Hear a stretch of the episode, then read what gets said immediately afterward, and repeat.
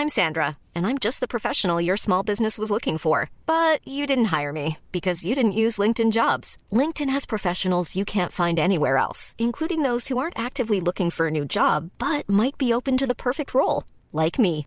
In a given month, over 70% of LinkedIn users don't visit other leading job sites. So if you're not looking on LinkedIn, you'll miss out on great candidates like Sandra. Start hiring professionals like a professional. Post your free job on linkedin.com/people today. I'm going to give the people what they want. Sensation, horror, shock. Send them out in the streets to tell their friends I'm Välkommen till Skräckfilmscirkeln.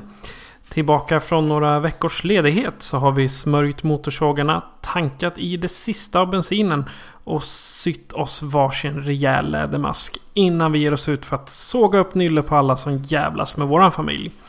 Jag heter Patrik och med mig har jag den spritt sågande ryslige skräckfilmsvärden Fredrik. Hur har du haft det sen sist? Ja, men det har bara varit bra. Nu har vi haft ett ganska långt uppehåll. Men Ja. nu är väl studier gjorda och har fått rotat in er ordentligt i nya lägenheten. Jajamän, det, det, det är därför det ekar lite om mig. För jag, det är bara gardiner i köket som saknas i stort sett. Ja. Ja, för plötsligt har du kommit mycket närmare för du har ju bott liksom långt ute på på vischan bland de galna lantisarna. Ja, Sannolikheten är större att springa på Leatherface. Och nu är du storstadsbo istället. Ja, jag har haft eh, The, Sawyers som grannar liksom. Ja, det är inga trevliga grannar att ha. Ja. Och skulle det vara då så att eh, det tassar eller moffar eller gläfser lite så är det ytterligare två av tjejerna jag har fått flytta ihop med som eh, gör sig hörda. Men det är det underbara med hundar. Det är inte dåligt. Nej. Och idag så har vi ett fullspäckat avsnitt. När vi ska avhandla dels Texas Chainsaw Massacre 3D och Leatherface. Eh, Det är alltså Leatherface från 2017. Plus att vi har varsin topplista över alla motorsågsfilmerna. Men innan allt det där så tänkte jag vi kan prata lite om vad vi har sett på sistone. Jajamensan, det har blivit lite ändå nu när vi har haft uppehåll här. Så jag, jag har tagit ett axplock eh, från det jag har sett. Ja det är väl bra annars så blir det ett helt program med bara Fredriks senast sedda. ja, det skulle vara så. Så jag har valt ut tre. Eh, till mitt stora förtret, måste jag vilja, irritation, så har jag ännu inte sett Jokern. Eller Joker. Eh, vilket jag känner att det är något jag måste rätta till. För den har ju vunnit priser nu. Oscarsgalan var ju häromdagen. Jag vet inte om... Jag har inte hållit mig uppdaterad. Jag vet inte om eh, Jokern knep någon Oscar eller inte. Eh, Men jag vet ju att den här sydkoreanska filmen Parasit knep ju jättemånga. Ja, den, den har jag faktiskt inte sett. Är det, var det en biofilm eller var det någon direkt till video? Ja, det bi- nej, det är en biofilm, alltså sydkoreansk. Sak av samma nissar som har gjort den här, oh, vad heter den nu? Eh, The, The Host. Eh, Det här muterade monstret som ploppar upp i sjön och beter sig. Det är lite eh, zombie-ish då. Ja, det är Parasit så vitt jag har, för, jag har förstått är ju något väldigt så, eh, klassdrama egentligen. Jag har, måste erkänna jag har jättedålig koll på vad den handlar om men alla typ jublar och hyllar den till skyarna. Jag har inte alls, jag har inte de blekaste vad den handlar om men det ska handla om någon fattig familj och någon rik familj.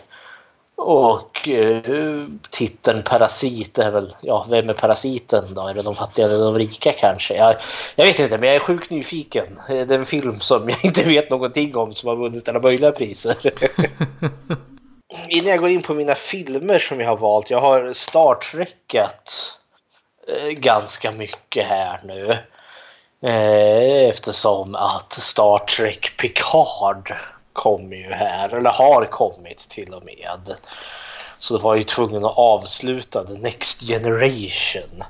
Så nu har jag plöjt igenom alla sju säsongerna. Så att jag känner att jag kan hålla jämna steg med den nya Star Trek-serien. Med Star Trek, är det något som du har följt? Nej, alltså jag hade det en våg när jag var kanske i tonåren och tittade på sci-fi. Men jag, jag fastnade inte för Star Trek. Jag var mera för Stargate åt det mm. hållet. Star Trek var liksom för mycket rymdskepp. ja, jo, det är det. Allt kretsar ju kring Enterprise där. Jag tycker det... Det, det är onekligen ett annat sätt att göra tv-serie på. Man gör inte tv-serie på det här sättet idag då liksom varje avsnitt har början, mitt och slut. Eh, så det har varit lite nostalgiskt och jag har tyckt att Star Trek har liksom gett någonting som jag tycker inte riktigt att jag får från andra filmmedia. Vilket gjorde då att jag haft sjukt höga förhoppningar till Star Trek Picard. Men med tanke på vad de har arslat ur sig eh, Eh, nu med Star Trek Discovery som har varit... Ja, det, det, det, det, det, är snyggt, helt klart. Men de har ju tappat allt vad som är Star Trek. Liksom tonen, essensen finns inte där. Så då hoppades jag ju stenhårt nu när liksom Patrick Stewart själv ploppar tillbaka och spelar liksom titelrollen Picard. Att, liksom, äh, att nu, nu blir det rätt. Och vi är två episoder in. Och jag känner, jag, jag är fortfarande så här, det kan bli bra. men, just nu är det verkligen en balansgång på ett knivägg om vart det här kommer ta vägen. Antingen kommer det här bli fantastiskt och jag tycker liksom ja, ah, de har lyckats. Eller så liksom rasar det rakt ner i avgrunden och så kommer jag sitta här och nördragea över att de har förstört eh, the next generation för mig. Så det ska bli spännande att se. Ja, det var liksom min lilla intro. Då ska jag väl ploppa till filmerna då. Det här axplocket. Eh, vi har ju sett Motorsåg nu.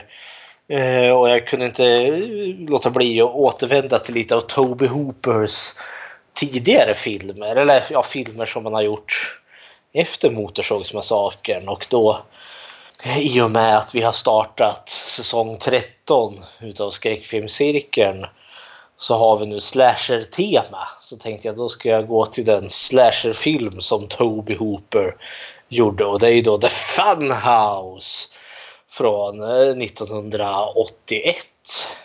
Eh, är det en film som du har sett? Nej, faktiskt inte. Den har jag missat. Funhouse, vad, vad handlar den om? Alltså det är, alltså det är en eh, gäng kids, ja ungdomar då, eh, som beger sig till ett tivoli, ett kringresande tivoli som råkar vara i stan. Och så av en eller annan anledning så eh, i lustiga huset, The Funhouse då, så hoppar de av liksom själva resan. Det är så där man sitter i, på en vagn som går på räls. Och så blir de vittne till ett mord när en maskbeklädd mördare har ihjäl en utav eh, arbetarna där. Och eh, så blir de fast där inne i The Funhouse med den här mördaren som jagar efter dem. Den här den är kul. Eh, alltså det, jag gillar The Funhouse. Och det är liksom en slasherfilm med, med allt vad det innebär fast med Toby Hoopers säregna twist. Eh, alltså det finns så mycket dolda bottnar. Jag läste lite vad Hysteria Continues Eh, eller ja, Hysteria Lives heter deras hemsida. Hysteria Continues heter deras podd. Deras liksom recensioner kring den och just att det finns dolda bottnar utav typ sexuella övergrepp. Ja, det lät som du sa sexuella övergrepp först. Jag tänkte, va? ja, men det, det handlar väldigt mycket om alltså sexuella övergrepp. Eh, och ganska grova sådana. Alltså eh, liksom från incest till pedofili och till våldtäkt. Då. Eh, och det är ganska ja, seriöst groteska ämnen men det är inte direkt så att det gnuggas en i ansiktet. Alltså det här mordet som de blir vittne till. Eh, det är ju våldtäkten. Eh, som inte blir av då, för det är ju mördaren vill köpa sex av en kvinna men sen ångrar hon sig och då blir han arg och slår han ihjäl henne. Eh, och det liknar ju väldigt mycket liksom som att han tvingar sig på henne. Liksom hon ligger underst och han är överst. Eh, och sen är ju mördaren lite väl eh, liksom extra exalterad när det kommer till de unga kvinnorna. Han är liksom inte ute för att liksom bara slå ihjäl dem utan han vill först klämma och känna lite på dem. Och det är obehagligt värre. Men sen är också just det här att det ska finnas en, alltså en dold subplot om eh, incest i den här filmen. Vilket jag inte skulle säga omöjligt eftersom att det är Toby Hooper som har gjort den. För den inleds nämligen med att eh, våran final girl håller på och duschar och så smyger det på sig en person henne som drar undan duschdraperiet. Eh, med liksom en kniven eh, eh, eh, hållandes ovanför huvudet och så visar det sig att det är typ hennes typ 12-årige lillebror eller något sånt där som bara håller på att jävlas med henne. Men det finns också det varför är han och smyger på henne i duschen och han är liksom i den här pubertala åldern. Liksom, är han där för att han vill jävlas eller är han där för att han är lite fascinerad av henne? Och det är obehagligt värre när man får de tankarna i huvudet. Och samtidigt finns det också så en jätte... Alltså, det är mycket som går att tolka för den där lillbrorsan följer ju efter dem till det här tivolit. Och där blir han ju då tagen, han blir påkommen av några av tivoliarbetarna som ringer till deras föräldrar som kommer och hämtar honom. Eh, och det är just det när föräldrarna kommer och hämtar dem för då finns grabben i liksom den här tivoliarbetarens husvagn. Och det var ingenting jag plockade upp första gången jag såg den men efter att jag hade hört Hysteria Continues och läst om de där tankarna då var det plötsligt väldigt tydligt för då liksom den där eh, tivoliarbetaren han kastar kanske lite väl liksom ömma blickar på den där pojken. Eh, och liksom säger lite kommentarer som blir väldigt suggestiva helt plötsligt. Om att, eh, ja, nej, och det, det placerade filmen i ett helt nytt ljus och gjorde den väldigt, väldigt obehaglig eh, för mig. Trots att liksom, nu när jag liksom sagt att The Funhouse eh, han liksom, tar upp ämnen som våldtäkt, incest och pedofili så är det ingenting som typ slår dig i ansiktet med den. Liksom, filmen dryper inte av det. Men efter att jag hade hört de här tankarna eh, och såg om filmen igen så var det där liksom bara stirra mig rakt i ansiktet helt plötsligt. Så det, det, det ganska snyggt maskerat in i filmen. Det blir väl när man, när man väl tänker på det. Annars så är det liksom bara lite på under ytan. Ja, det var liksom inte riktigt lika uppenbart annars. Det var kanske så han kunde smyga in så här ganska allvarliga ämnen i den här filmen. För jag menar, Toby Hooper och incestuella sexuella övergrepp är ju inget nytt nu när vi har sett Motorsågsmassakern. Nej. nej, det är typ eh, en av liksom, den stående subplotten i alla de här att mamma och pappa är nog säkert också bror och syster. ja, hepp!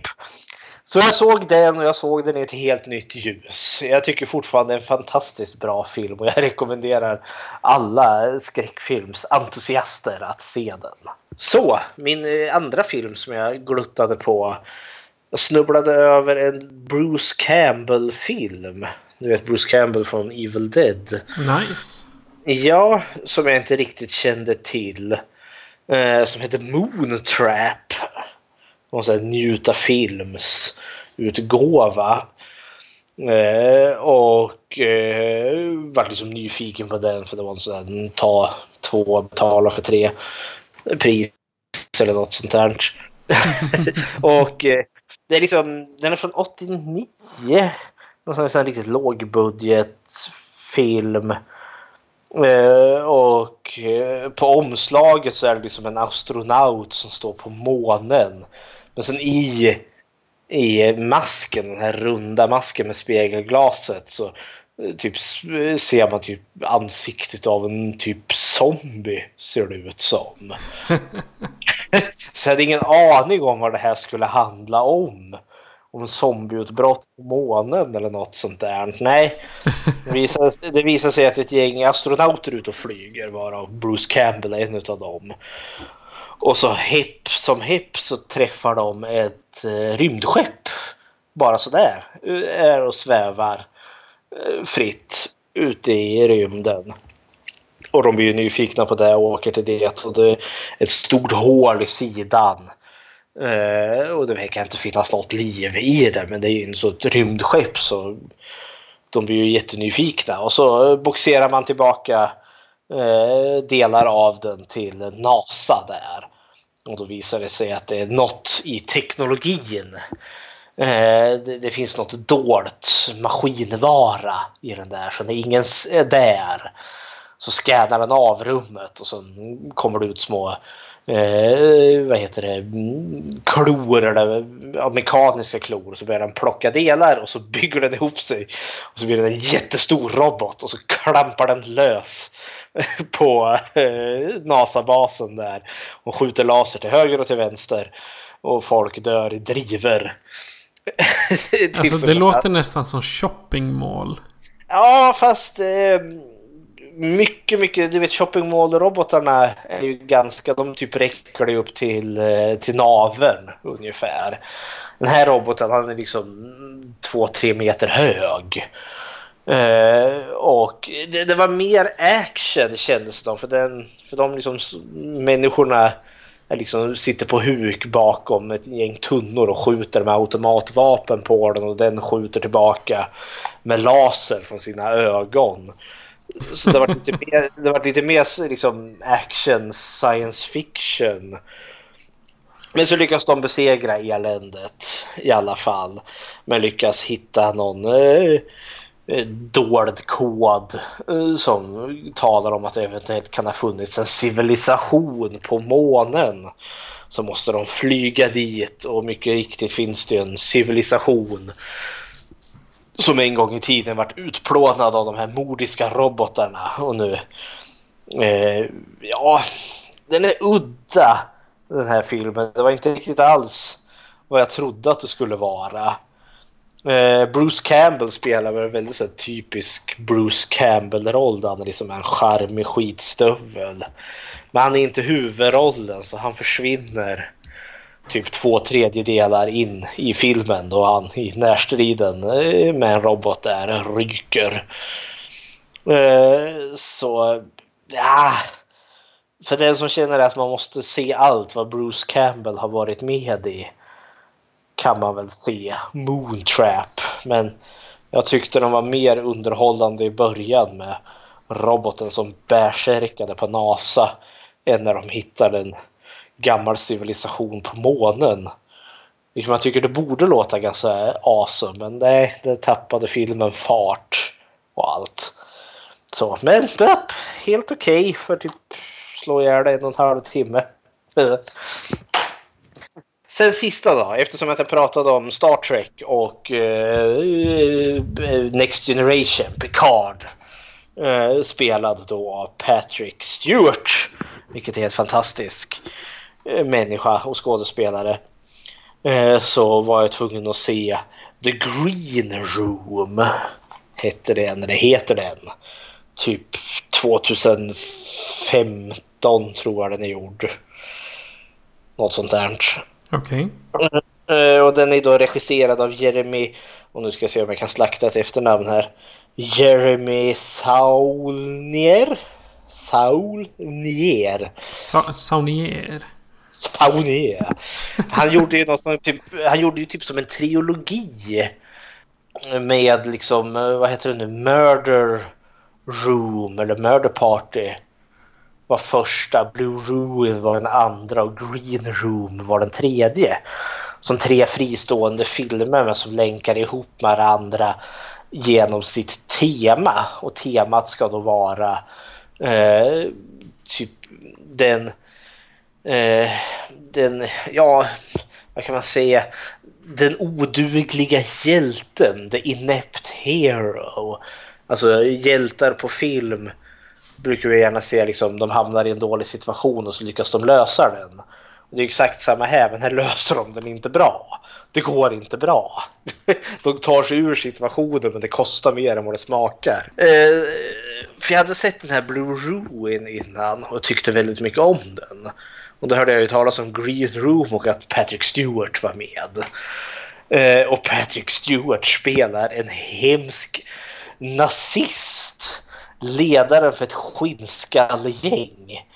Vilket förvånade mig lite plotten i Green Room är att eh, vi får följa ett, ett punkband som typ verkligen skriver sig anti eh, auktoritetssånger. Det är liksom fuck allting, anarki är det enda som gäller. Och de är riktigt så nihilistiska. Det finns liksom, ja, livet är bara en lång och meningslös resa tills döden och däremellan kommer vi bli utnyttjade och manipulerade av systemet. det, det, det, är våra hjältar. Så det är liksom, ja, ganska tragiska karaktärer. Och så har de då fått ett gig någonstans i en liten krog mitt ute i ingenmansland verkar det som. Och när de väl kommer dit så visar det ju sig att den här krogen det är liksom någon sån neonazistisk klubb. Eh, I och med att liksom det finns en liksom, skinnskallemilis. Kan man, för de, de har verkligen en skinnskalle looken med liksom bombajackan, rakade huvudet och liksom eh, eh stövlar med eh, stålhättor på. Men eh, ja, de spelar ändå då för de behöver pengarna och de, de är inte dugg rädda för de här människorna. För det, det första de sjunger är ju typ liksom en väldigt kaxig rasister är dumma i huvudet låt ungefär. Eh, men det tas emot väl för de är liksom ballsy och det tycker skinnskallarna om. Och så, och så rockar de loss det här då. Eh, sen när de ska tillbaka till då The Green Room där de får byta om. Då spårar allting ur. För där inne så har du då en, eh, en skinnskalle då som är, han är fullständigt stenhög på eh, diverse olika droger. Och han har fått för sig att flickvännen eh, har varit otrogen mot honom. Så precis när de kliver in då ser de liksom honom när han drar kniven ut ur hennes pannben och typ slänger hennes döda kropp eh, ja, mitt på golvet där. Och så hotar han dem allihopa där och så går han därifrån. Och andra skinnskallar ser också där och de blir ju helt spak undrar men shit, vi är liksom vittne till ett mord här. Eh, så de vill ju bara packa ihop eh, sitt pick och pack och bara sticka därifrån. Men då har ju någon kallat till sig Patrick Stewart som är ledaren för det här och han känner ju aj, aj, aj. Vi kan inte ha någon som kommer hit och undersöker ett mord. Du får absolut inte få hit polisen eller något för de, de har ju en kriminell verksamhet här. De smugglar ju vapen och droger och allt möjligt. Så han dyker ju upp där liksom och säger åt dem att ja men eh, vi måste reda upp det här. Kan ni inte bara följa med oss ut i den här ute i skogen så kan vi prata lite mer. Ute i skogen? Och, ja, ute i skogen, för de är mitt ute i skogen. Och de fattar ju att det här går ju aldrig. Så de barrikaderar ju sig in i det här green room. Eh, och eh, har ingen väg att ta, ta, ta sig ut. Och så har du skinnskallarna ledda av Patrick Stewart där utanför som vill eh, ta sig in och mörda dem allihopa och gräva ner dem i skogen så att de kan mörka eh, allt som har hänt här. Den här filmen den var rå och nihilistisk och liksom väldigt hemsk överlag. Och det var så annorlunda att se Patrick Stewart i den här rollen. För jag, som sagt, jag har ju sett jättemycket Star Trek där han spelar Picard. Som alltid är den här liksom superdiplomaten. Som söker alltid liksom den bästa vägen ut. Och nu spelar han liksom en supermanipulativ ledare för ett nazistisk eh, organisation utav förvildade människor som livnär sig på droger och vapensmuggling. så det, det, var fantastiskt att se. Men det var liksom också så nattsvart film rakt igenom. Lite, lite vibbar åt sig Eden Lake-hållet. Fast inte riktigt så grotesk som Eden Lake blir. Men det, det var vibbar åt det hållet. Då förstår du ungefär vad det är för typ av film. Ja. ja. Så det är vad jag har sett här nu. Lite av det i alla fall. Lite av det jag har sett. Så hepp. Det är vad jag vill dela med mig. Ja. Eh, jag har faktiskt eh, inte haft mina DVD eller Blu-ray-skivor uppe. De har legat i en låda. Så att eh, de har jag fått vänta med att titta på. Utan istället har jag lyft fram datorn och paddan och kollat på Netflix. Mm -hmm. Och då häromdagen bara så började mm, säsong 4 av Van Helsing. Se där. Och det vart jag glad för. För den serien är jag väldigt glad i. Och den är, jag är inne på avsnitt 4 tror jag nu och det, hittills så är den väldigt bra. Och för den som inte vet vad Van Helsing handlar om så i, i Netflix adaption av Van Helsing så är det Vanessa Van Helsing det handlar om. Mm. Och hon är typ så här... Trett, vad ska man säga? Trettonde arvtagaren till Van Helsing. Eller ja, ja. Van Helsings mamma. Mammas syster. Typ. Något sånt där. Men hon, i alla fall så är hon en vampyrjägare. Och eh, genom tre säsonger så har hon liksom slagits mot vampyrer. Och eh, nu i säsong fyra så har det framkommit att typ alla vampyrer har blivit daywalkers. Jaha. Så de är vampyrer som klarar av att gå i solen. Det kan bli problematiskt. Ja, exakt. Men vampyrismen i det här fallet kan ha en sån här... Det framgår inte riktigt hur det, hur det har kommit till. Men mhm. man... Det, det lutar liksom åt, är det magi eller är det ett virus? Eller är det en sjukdom? Eller vad det är för... Man får inte riktigt reda på det. Det mm. enda som är i början på hela, hela serien är att världen är halvt övertagen av vampyrer. Så så är det med Van Helsing. Jag ska inte spoila så mycket mer för de släppte den precis i veckan nu. Mm. Och sen, är Dracula med där någonting? De, de hänvisar till The Dark One. Det Dracula då, om du tror. Ja, det, det lutar ju åt det här. Men The Dark One eller Den Mörke eller Den Onde. Något, något sånt där. De har lite olika översättningar i varje avsnitt. Men eh, förmodligen så är det väl Dracula de, de pekar på. något sånt. Ja, det är så att Dracula och Van Helsing går ju väldigt mycket ihop. Ja, exakt. Eh, och sen eh, då har jag tittat på Lost in Space också där på Netflix. Mm. Det är, eh, för den som inte har sett Lost in Space alls, så är det att jorden är på väg att liksom bli kaputt. Snart funkar ingenting, det börjar bli varmt. Eh, ja, människan har förbrukat jorden. Helt enkelt. Och då om du är tillräckligt smart så får du åka med till en planet som heter Alpha Centauri. Det vill säga att en ny koloni där människorna ska kunna leva.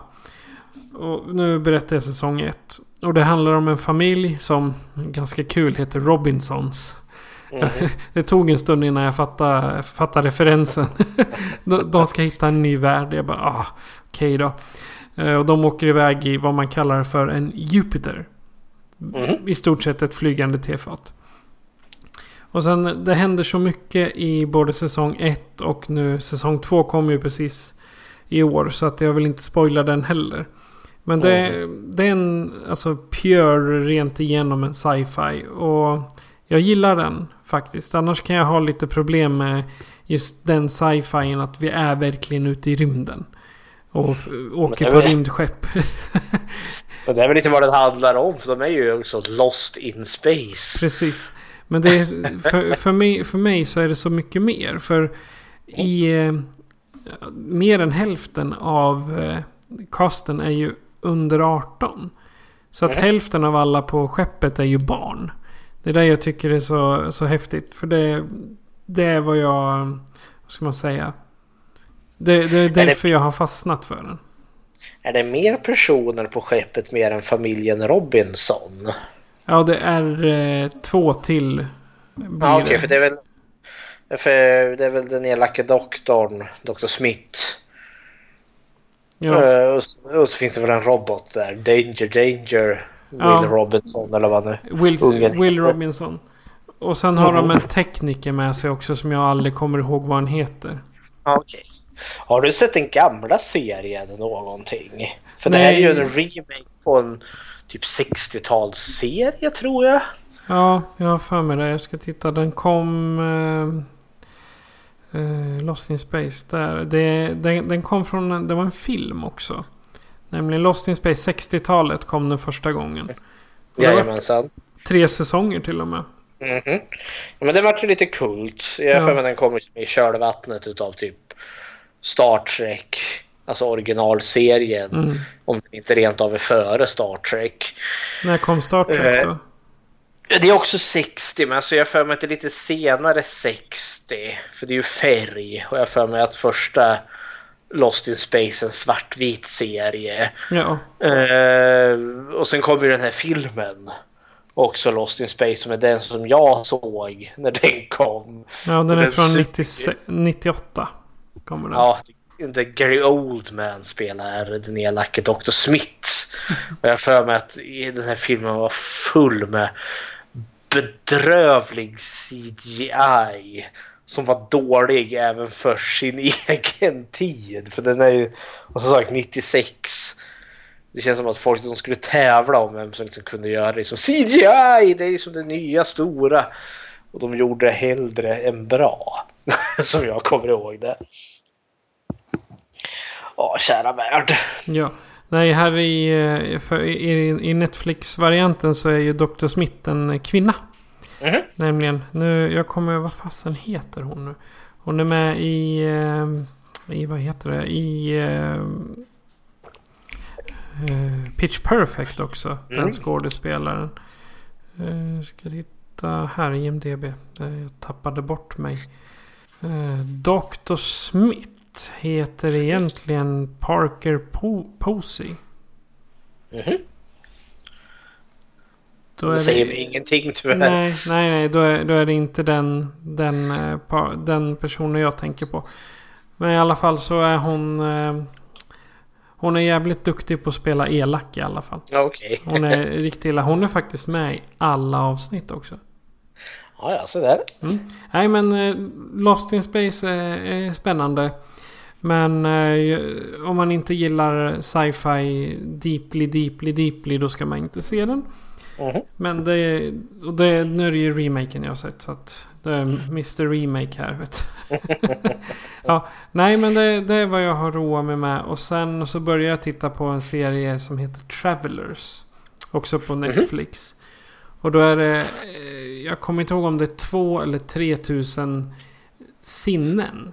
Som ska åka tillbaka i tiden. För att jorden i framtiden har typ gått under. Den är på väg att gå under. Och då en traveler reser tillbaka till en människa som är precis dör. Mhm.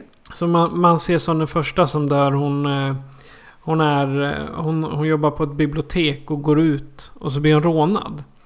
Och hon försöker ju då säga ifrån. Men eh, rånarna de slår ju bokstavligt talat ihjäl henne. Mhm. Men då lagom till sådana fall i backen så öppnar hon ögonen, ställer sig upp och säger Det här är min väska. Och så spöar hon skiten ur dem. Oj då. Ja, och då är det en traveler som har kommit till henne ifrån framtiden. Aha. Så av någon anledning så flyger deras sinnen in i personer från förr i tiden liksom. Se där. Ja, jag har bara sett några, några få avsnitt. Men det, det, det är båda gott i alla fall. Det är, är man sci-fi dystopi-nörd som tänker det här världen måste räddas. Då är Travelers ett bra val. Mhm. Ja, det är vad vi har sett. Allt som allt. Mhm. Eh, vad sägs om att vi far till Texas för att ge oss på The Texas Chainsaw Massacre 3D från 2013? Ja, så kan vi äntligen sy ihop våran motorsågs eh, special här nu. Ja. Då kommer en trailer. Mhm.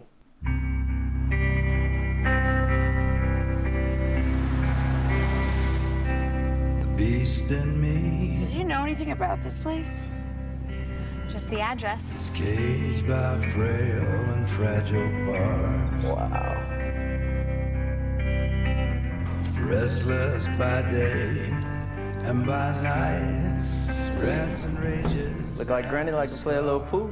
What exactly did Granny do for a living? I have no idea. I just learned about her yesterday. the beast in me. God help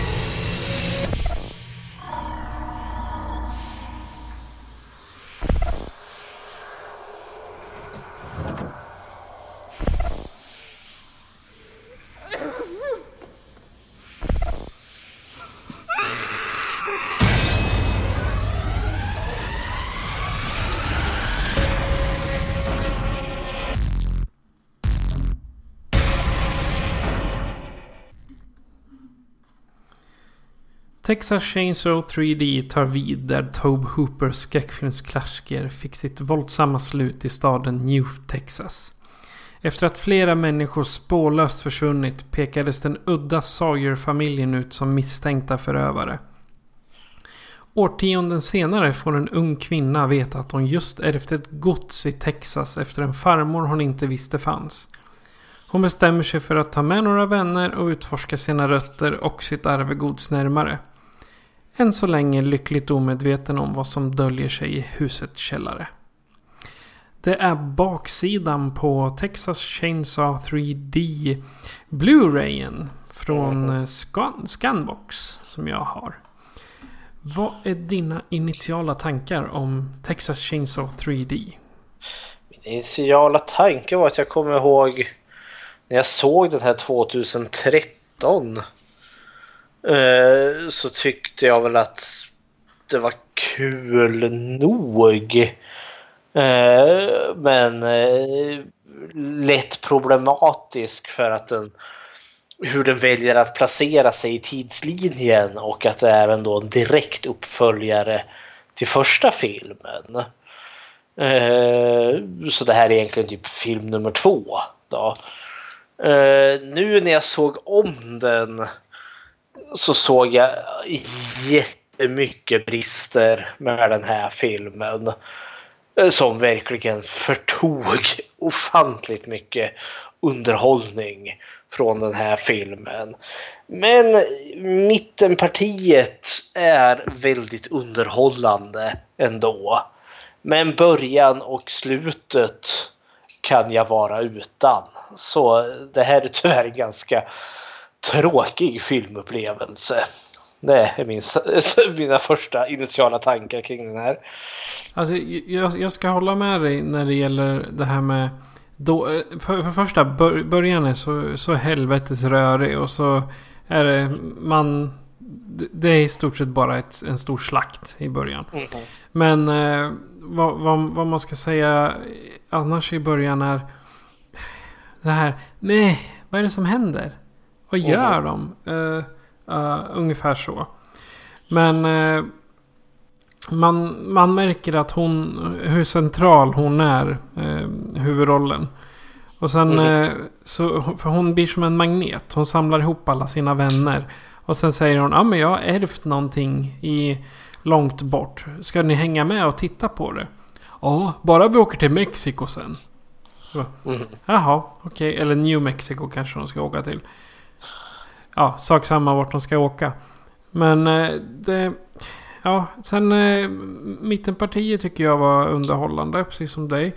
Sen slutet var både och. Både tråkigt och inte tråkigt. För jag, det här är en av få filmerna där man verkligen får ett avslut. Alltså säcken knyts ihop.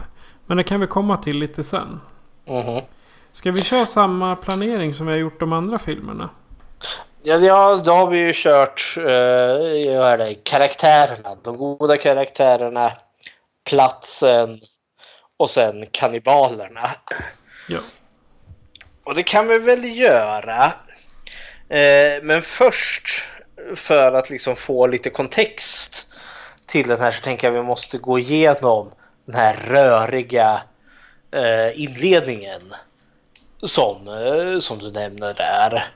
För det blir knepigt annars. För egentligen i den här filmen har vi två platser eh, att röra sig kring. Alltså två hem som de här kannibalerna bor i. Eh, för jag tänker vi, vi kan börja där i den första. För det är det här som är så knepigt med den här filmen tycker jag. För den gör verkligen en poäng av att vara en uppföljare till Toby Hoopers originalfilm från 74 där. Mm. Eh, och uh, tar verkligen vid där första filmen slutar. Sally kom undan och hon har väl kommit till, till staden och har larmat. Och polisen är nu på väg. Där, vi- där, där, där ska jag skjuta in att eh, det här i början som är ifrån originalfilmen. Mhm. De eh, hämtade dem ifrån en skola där de gamla, om det är 32 millimetrarna låg. Så restaurerade de och gjorde om dem till 3D. Nu hänger jag inte med alls. Nej. Alltså, I början av filmen så har Ja. de ju klipp ur originalfilmen.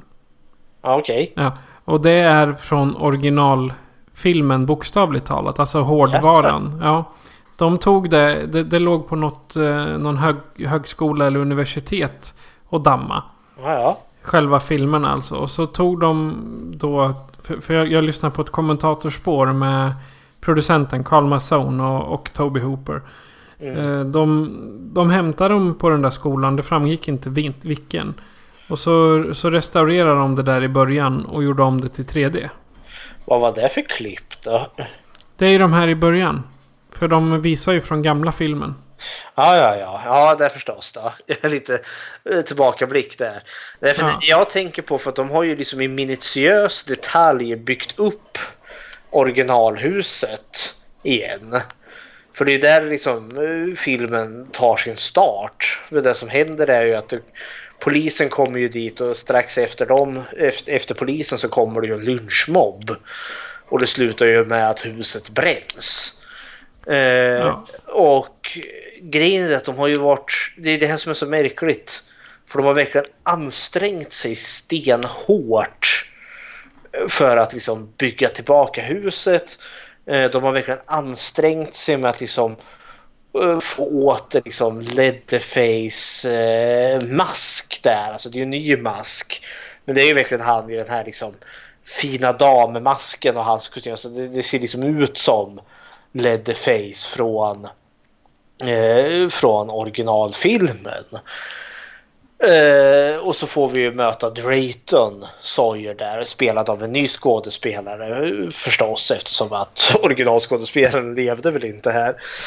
Nej, han dog väl på 80-talet. Jag skulle tro det. Men sen, sen är ju det här som är märkligt för de enda som borde finnas kvar är ju då eh, Leatherface, Drayton och farfar eller morfar. Gamla gubben där. Men när vi liksom får se in i huset då är det ju typ nästan eh, eh, Jag räknar dem. Det, det är ju ofantligt många nya personer där. Familjen Sawyer är samlad. Eh, och det är liksom typ, jag försökte räkna mig till dem det var typ sex nya män, en kvinna och en baby där. Och den här babyn kommer ju liksom spela eh, en viktig roll senare för det är våran huvudperson sen som i vuxen ålder då. Eh, som filmen kommer kretsa sig kring. Vart kommer alla de här människorna ifrån? Eh, ska vi tro liksom att efter att Sally rymde där så Drayton slängde sig på telefonen och sa nu jävlar är det kört. Nu är det bäst att vi samlas allihopa här. Eh, varför föra in alla de här människorna? För det blir så märkligt. För när man liksom ska öka på mytoset. Vem är den här kvinnan? Var, vilka är de här sex nya männen här? En utav dem var ju Gunnar Hansen där då, som fick en liten cameo. Det var väl kul. Men vilka är de? För de introduceras ju inte alls för liksom lagom till att vi har förstått att oj, här sitter en massa nya människor som är medlemmar i den här kannibalistiska familjen. Så bränner de ju ner huset och skjuter ihjäl dem allihopa. Alltså min, min tanke är ju att det kan vara släktingar som inte är ifrån den staden. Utan de, är, de har åkt dit på...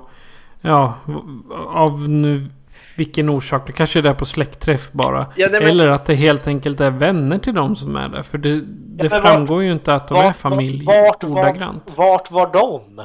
För det här bevisligen är ju, utspelar ju sig, jag vet jag, kanske en halvtimme efter att vi får se Sally försvinna iväg på pickuppen där efter att Leatherface har jagat henne med motorsågen. Eh, så vart fanns de här människorna? Råkar de bo i ett hus liksom vid sidan om? En, en kvart ifrån huset. Det, det här liksom, redan i början har vi en logisk, eh, vad heter det, plot hole.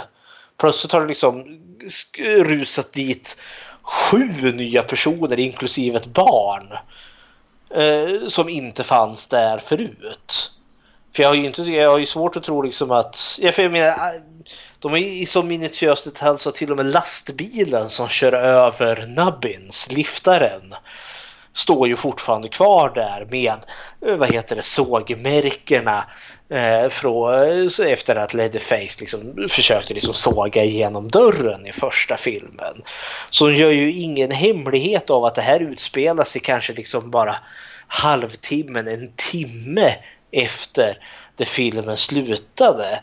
För jag menar, det sista vi ser i originalfilmen är ju Leatherface som gör sin motorsågsdans där. Och då ser vi liksom att det är fortfarande blå himmel och solen, jag vet inte om den håller på att gå upp eller ner. Eh, men i och med att det fortfarande liksom är blå himmel i början på den här filmen eh, så måste ju liksom eh, rent logiskt utspela sig liksom bara stunden efter att filmen slutade, alltså första filmen slutade. Eh, och, och då väljer man att introducera stora tjocka släktträffen, familjen Sawyer har liksom strålat samman eller släkter och vänner och bekanta. Vart fan kom de ifrån? det störde mig nog så fruktansvärt. Vad gör de här? Så jag, jag, kan liksom inte förstå varför filmskaparna valde att göra så. Tyckte de att det var för lite med att bara ha Drayton, Leatherface och eh, gamla farfar? Dög det inte? Nej. Det var för lite att skjuta. Ja, det, det irriterar mig så fruktansvärt. Ja, för, för plotten är ju, alltså det viktigaste här är ju att eh, bebisen finns här. Grejen är ju den att bebisen är ju den enda som kommer att överleva massakern. Alla skjuts ju och eh, huset brinner upp. Och sen två utav de här lynch som är med i lynchmobben eh, hittar ju eh, den här kvinnan sårad utanför huset. Eh, liggandes där blödande och hållande sitt barn eh, till bröstet. Uh, och då har vi förstått innan där då, då den andra kvinnan har sagt att vi har inga barn, jag vill ha barn, varför får jag inga barn? Och sen praktiskt nog, här ligger den unge. Och så tar de ju ungen och så dödar de ju henne. Så. Ja, han, han, han slår, Han sparkar väl in skallen på henne. Ja. Eh, så de skär ju barnet helt enkelt för att liksom fostra det som sitt. Eh, så det är liksom filmens början. Och den var absolut inte stark för mig. För den lämnade mig liksom med mer frågetecken än eh, vad liksom vad, vad, vad, vad jag ville och det kändes slarvigt.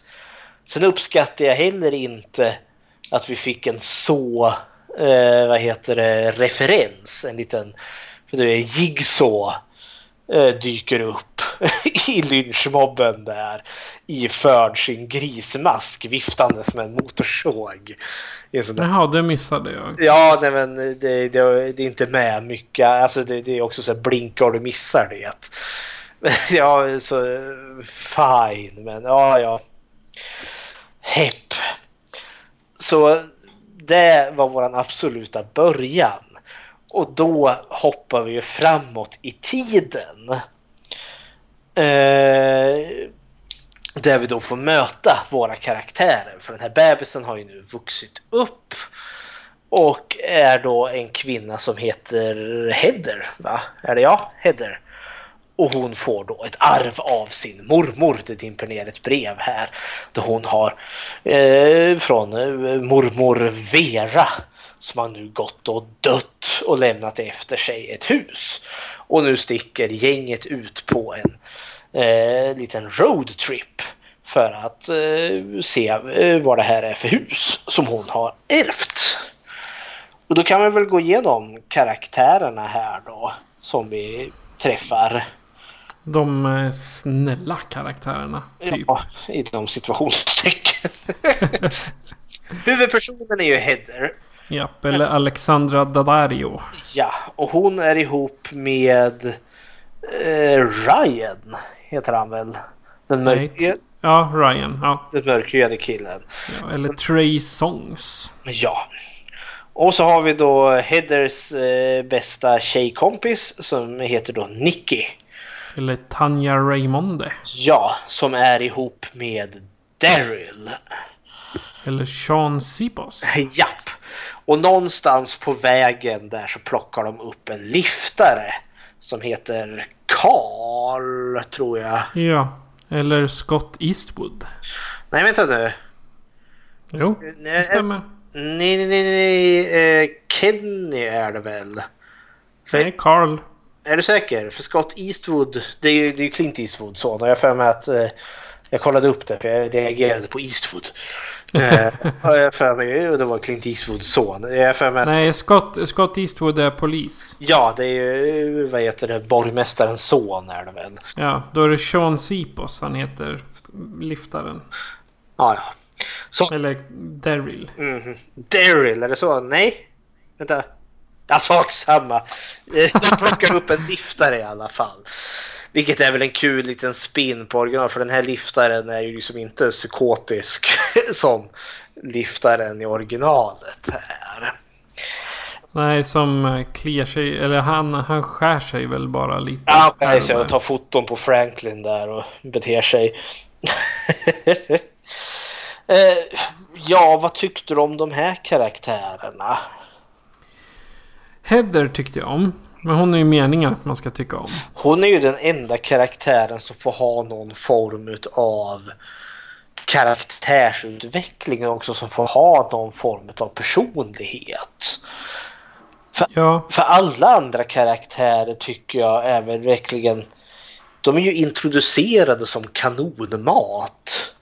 I stort sett ja. Ja, och Som eh, Tanja, hon är ju, eller Nicky, som är, hon är, hon är egentligen bara, hon ska visa, vi, visa pattarna och vara sexig och sen, ja, sen är det bra med det. Nu kommer Leatherface och dödar dig. Ja, och liksom alla andra karaktärer förutom Heather, alltså Nicky, Ryan, Daryl, Carl eller liftaren är alla extremt osympatiska karaktärer. Nicky visar... De är tråkiga. Ja, men Nicky är ju otrogen. Hon ligger ju med, med, med Heathers pojkvän. Daryl hade med så jävla lite så att han är liksom verkligen... Ja, det enda liksom karaktärsdrag han har är att han hamnade på Leatherface slaktkrok. Eh, och liftaren som de plockar upp han visar ju sig vara oärlig och eh, beslutar ju sig för att typ råna stället, det här huset som hon har plockat på alla värdesaker. Och, och det är typ allt han gör till som är att han öppnar källardörren och där står ju Leatherface och så dör han. Eh, så eh, jag vet liksom, eh, ingen av de här karaktärerna får liksom ens Alltså, jag kommer ihåg att jag klagade på att remaken hade osympatiska karaktärer. Men det här tar, det här tar liksom, det här slår remakens ja, osympatiska. Både ja och nej. Alltså, remaken där från 2003. Eh, alltså de karaktärerna var ruskigt osympatiska. Men de hade liksom någorlunda mer Alltså de, jag har lättare att komma ihåg de karaktärerna än vad jag har att komma ihåg karaktärerna i Texas Chainsaw 3D. För de här liksom ungdomarna är verkligen, alltså ja, jag, de har liksom ingen karaktär överhuvudtaget. Där dog de och jag kunde inte bry mig mindre. Åtminstone i remaken så hade de de här störiga, elaka karaktärerna men de hade liksom en karaktär, det fanns en personlighet hos dem. Vilket kunde göra att jag fick en liten viss sadistisk glädje när de väl åkte på I den här så är det verkligen liksom, ja där dog de och jag kände ingenting för det. För jag kan liksom inte bry mig om karaktären för fem öre för de är så intetsägande och det enda jag vet om dem är att de är otrogna och de skär. Och det är liksom ja, har ingen personlighet utöver det. Varför ens är det här otrohetsbiten med? Varför ligger Nicky med Ryan? Det vet vi inte riktigt. Är det för att Ryan är en så bra älskare eller? Hon gillar bara att ligga runt. Ja, och Ryan tycker ju tydligen inte att det är något problem det heller. Men äh, det, liksom, det, det, finns liksom ingen rim och reson. Alltså varför finns det en otrohet ens en gång? Ge mig liksom lite något. Uh, men nej, det får vi inte. Det är mest bara oh, vi har haft ihop det. Vill du ha ihop det igen? Ja! ja, men äh, alla slasherfilmer kräver ju minst en sexscen. ja, jo, förvis. Men alltså en av grejerna till den här alltså, är ju...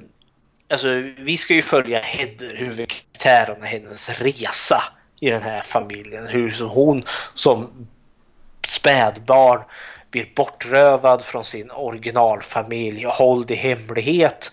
Ärver det här hemmet som då i början eh, till eh, liksom hon liksom ska eh, få reda på sitt sanna jag. Att hon tillhör den här familjen Sawyer.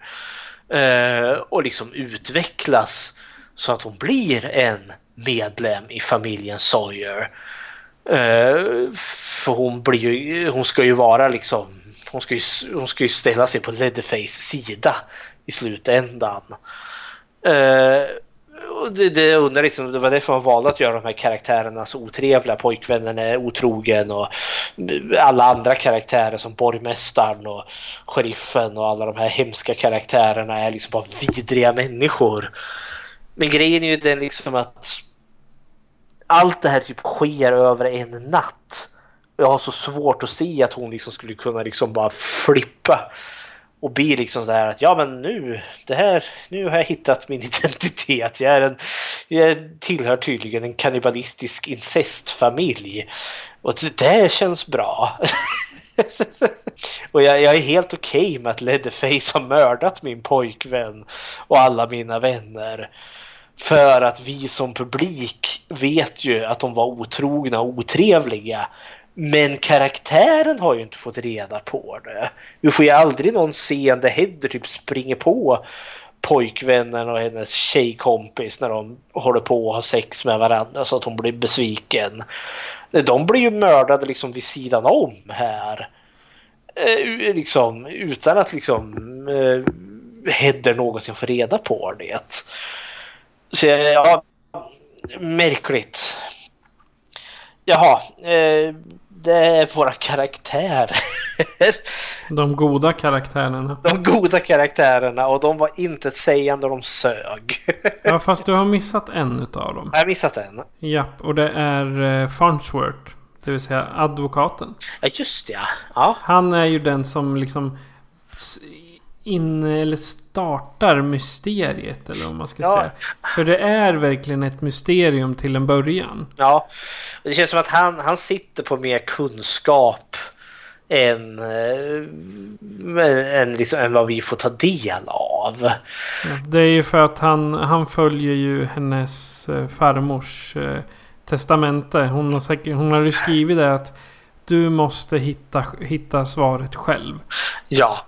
Advokaten får inte lägga sig utan du ska bara ge henne brevet. Mhm. Och det, det är också, för det här är en plot point i filmen.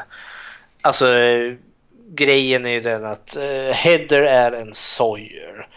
I, eh, I den här så då Leatherface är enormt familjekär tydligen. Vilket jag kan köpa för han är liksom i första filmen enormt domderad och styrd av sin familj. Eh, och Vera, eh, mormor där då som har ägt det här nya huset. Eh, hon har ju då liksom styrt och ställt i hans liv. Och nu är ju hon död. Och har liksom planerat för framtiden för hon vet att liksom Leatherface behöver någon typ som en förmyndare för han funkar inte i sig själv. Eh, och han vet liksom, och hon vet att kommer bara Heather i, i och med att hon är egenskap att hon är släkt så kommer Leatherface att foga sig till det. Och allt finns ju där då i det här jävla kuvertet. Som hon aldrig öppnar. Som hon aldrig öppnar, vilket också var sån här ja, så en idiotgrej som jag störde mig på. Hon har ärvt ett helt jävla hus. Här kommer en advokat och här, här har du papperna. Och hon liksom, ja men det läser jag väl sen för nu ska vi ner på stan och köpa lite partipartaj. Vi behöver sprit och eh, korvar som vi kan grilla. Halabaloo. Ja men alltså det huset, det, det var liksom uppdukat. Det var, alltså, det var ju precis som om hon nyss hade dukat upp allting. Ja, men jag tänkte, ja. Eh, alltså för det är ett stort fint hus. Det här är ju hus nummer två, Veras hus. Kan, Ja. Kallar det. Hon måste ha haft en massa tjänstefolk annars hade inte det gått att ha så där fint. Jag tänker hon har helt enkelt, eh, hon har haft Leatherface. Jebediah Ja, Sawyer. Ha- Han, han går säkert och puttrar runt och liksom städar och dammar om hon säger åt honom att göra det. För det är så han funkar. Eh, jag tänkte som vi såg i första filmen, i första huset där med, med Drayton och, och Nubbins. Hur kaosartat det var med, liksom med skelett och eh, djurdelar överallt. Det var ju för att Drayton och Nubbins var ju liksom vansinniga människor. Där hade de ju koll. Men Vera är ju liksom en... Hon har ju kontroll. Hon är ju en normal människa inom situationstecken. Jag tänker hon, hon kan nog liksom mycket väl liksom Leatherface gå på sitt... Liksom, nu är det städschemat. Nu, nu är det är det dags att damma kristallkronan. Du kan mycket väl se att han står där och liksom dammar liksom kristallkula efter kristallkula. För det är liksom det är så han funkar. Han är liksom den här stora hunden som lufsar efter en ungefär. Så ja. Och det vill ju den här filmen också spela in på att han är så jäkla familjekär så ja, hepp. Ja, men nej. Om du hade ärvt ett jättestort hus, typ trevåningsvilla. Eh, skulle inte du vilja läsa liksom brevet som din arvtagare har lämnat efter dig? Synnerligen där vi gör en stor jävla grej av att Heather känner sig identitetslös. Vart är mitt ursprung? Vart kommer jag ifrån? Jag var adopterad. Och hennes adoptivföräldrar vill ju inte berätta för de vet ju att de mördade hennes mamma och stal henne. nu har hon liksom brevet från en släkting och så läser hon det inte. Det är så jävla... Det är så dumt! Så jag vet inte vad jag ska ta vägen. Men anledningen är för att de inte läser det för att då får vi inte filmen. För grejen är att allt bygger på ett stort jävla missförstånd här. För Leatherface går ju bärsärk här. Och mördar dem ju en efter en efter en. Och han håller ju på att mörda Heather också. Tills och med att han inser att hon är en Sawyer. Och då liksom, oh! då blir det ju helt annat. Då eh, blir han ju väldigt foglig helt plötsligt. Ja, för de är väl kusiner om jag inte har helt fel. Ja, det, jag vet inte. Kusiner, bror, syster, far. Det är inte så. Jo, för hon, hon, hon säger ju vid ett tillfälle att eh, kom och hjälp din kusin eller någonting. Nej, do your thing, Cass. Det, och det, det är också en replik som är så dålig så det gör ont. Eh, ja, mellanbiten, den som jag sa, den som jag tycker om är faktiskt den här biten då Leatherface går bärsärk. Eh, Leatherface kommer ut ur källaren där han bor. Eh, och... Där tänkte jag, alltså den här källaren. Om... För det första så tänkte jag om hon har byggt det där huset i när, alltså uppe på den uh, gamla farmen så att säga. Men det, det, var, min, var min första. För då tänkte jag liksom. Ja men den gömda dörren där och ner i källaren. Att det är ingången till källaren i det gamla Sawyerhuset.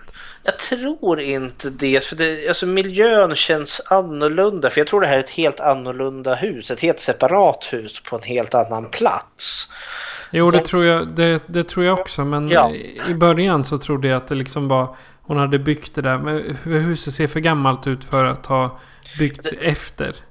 Huset ser ut liksom som någon plantagegård. Alltså som att det skulle ha byggts någon gång på 1800-talet eller något sånt där. Mm.